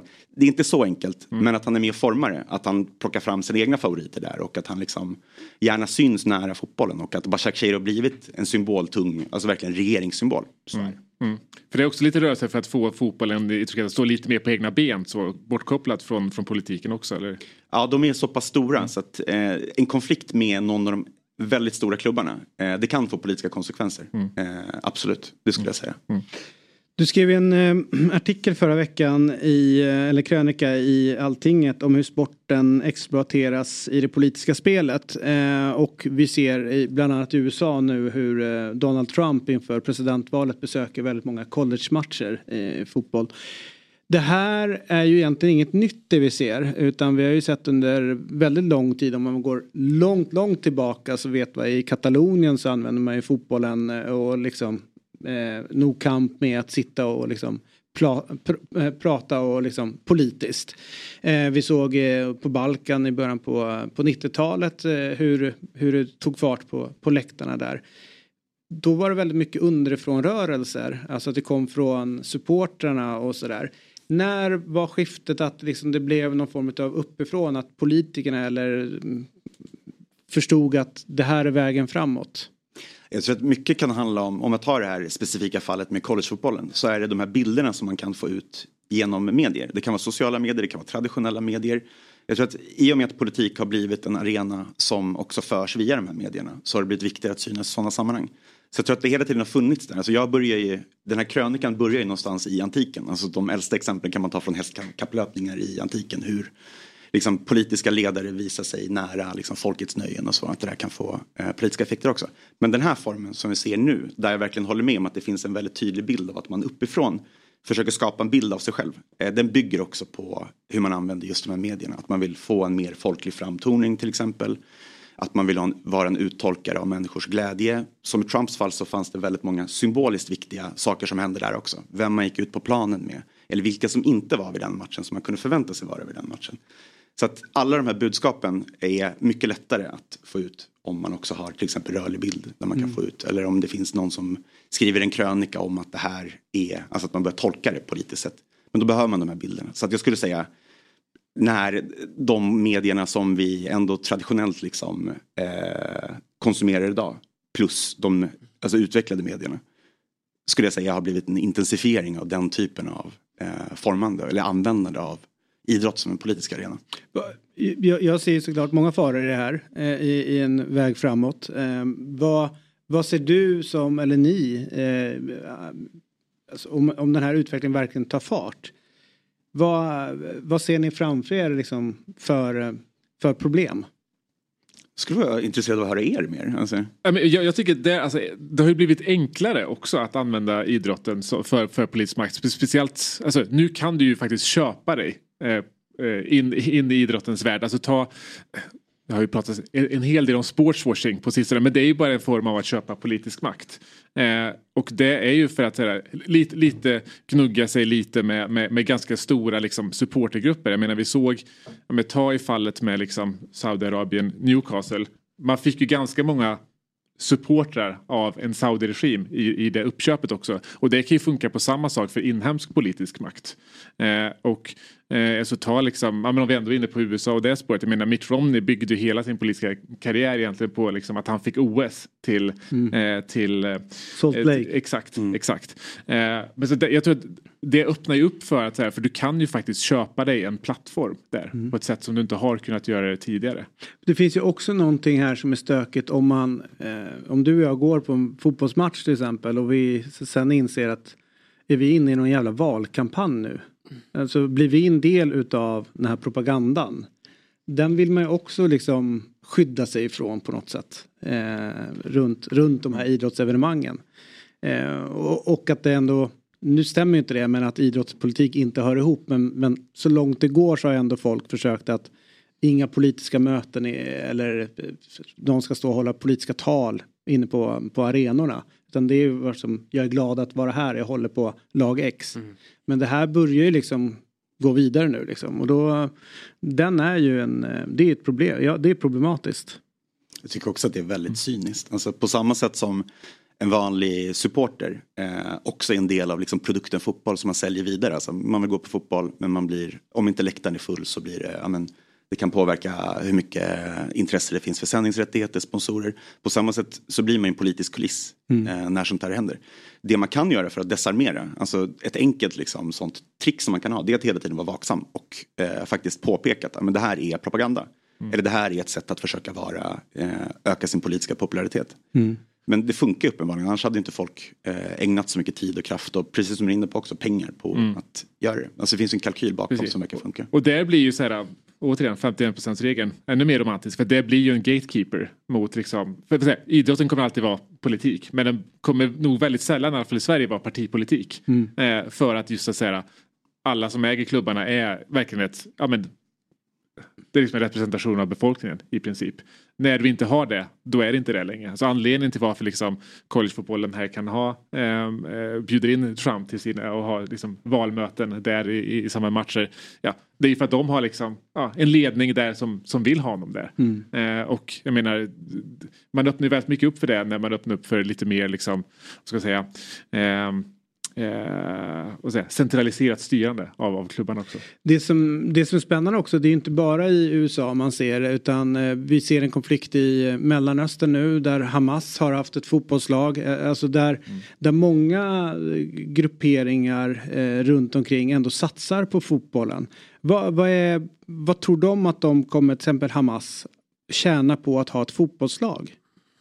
Eh, Just det specifika fallet har jag ingen koll på men jag gissar att det är också för att ha alltså, en civil eh, gren Mm. som kan visa en mer mänsklig sida som kan bli ett propagandaverktyg på det sättet.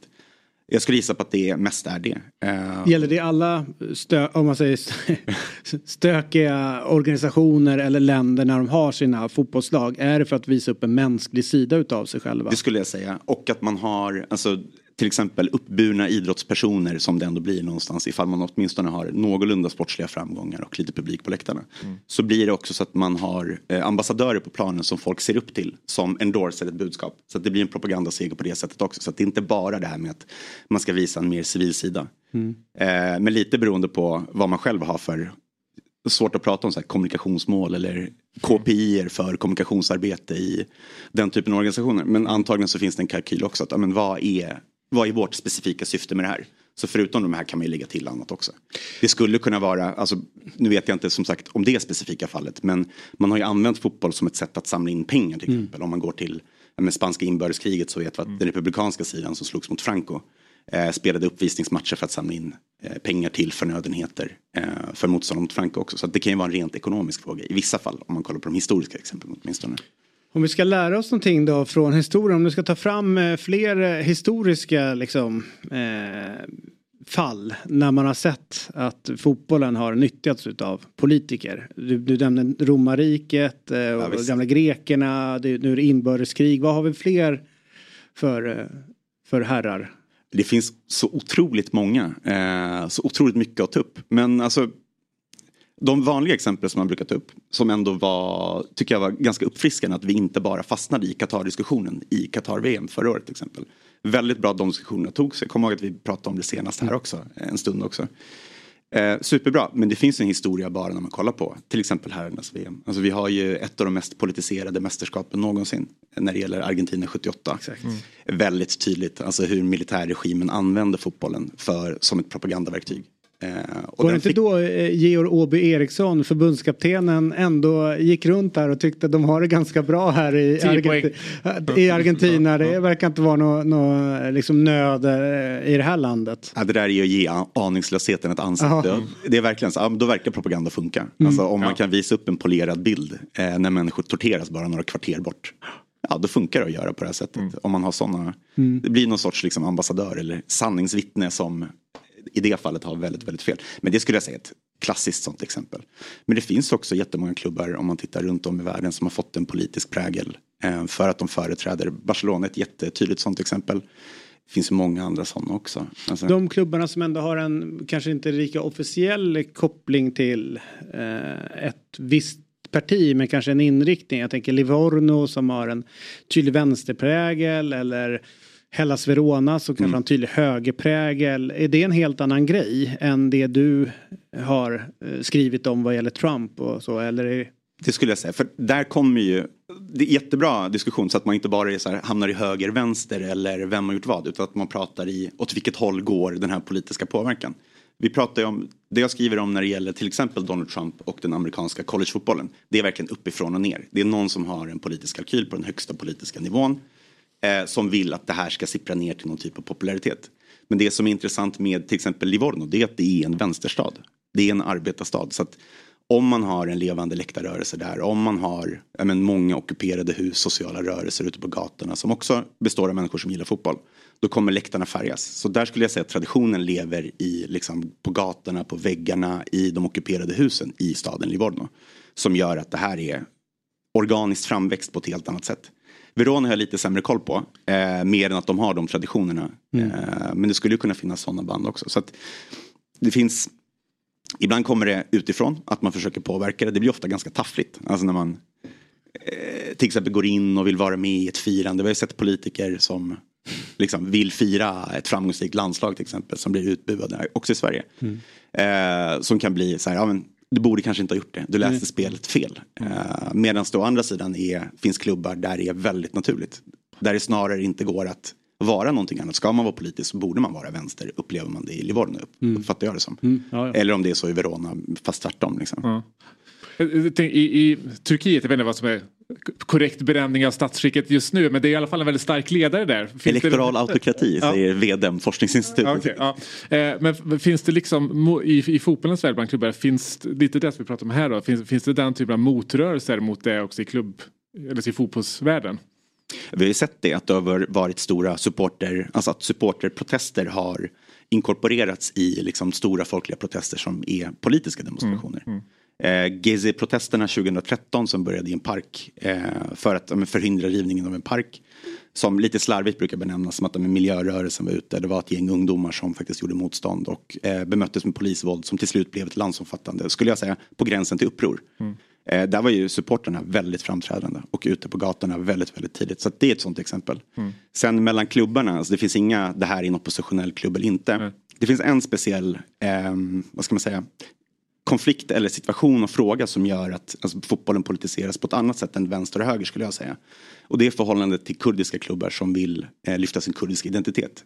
Som ni säkert känner till, Ahmedspor, en klubb i de lägre divisionerna har ju varit utsatta för, skulle jag säga, samma systematiska förtryck som många kurder möter också i det övriga samhället. Det har vi sett också i fotbollen. Både från i hur man får straff från förbundets sida men också i hur motståndarsupportrar eller motståndarspelare till och med behandlar eh, det här laget. Så att det är en ytterligare sån aspekt av den turkiska fotbollen eller också i det här fallet kurdiska fotbollen som är väldigt politiserad.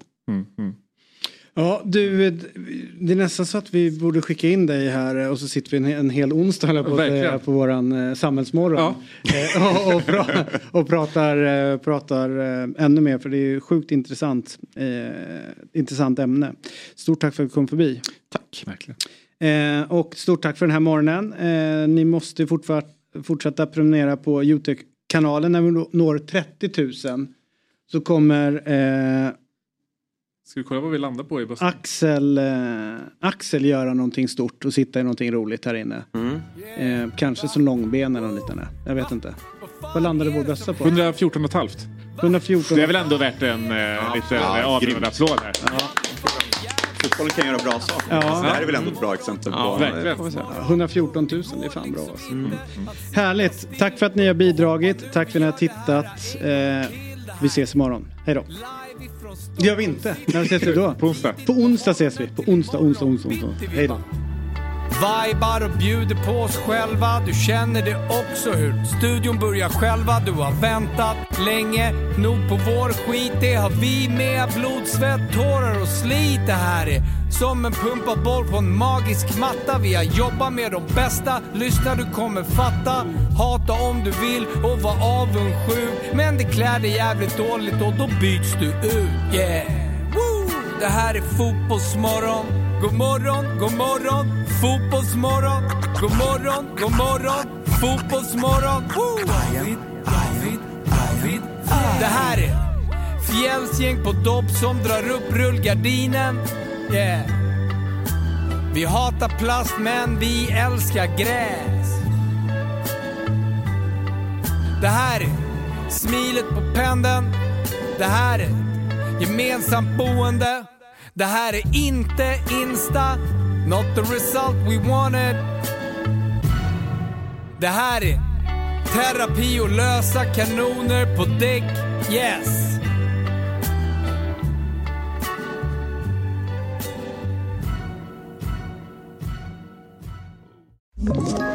Ett poddtips från Podplay.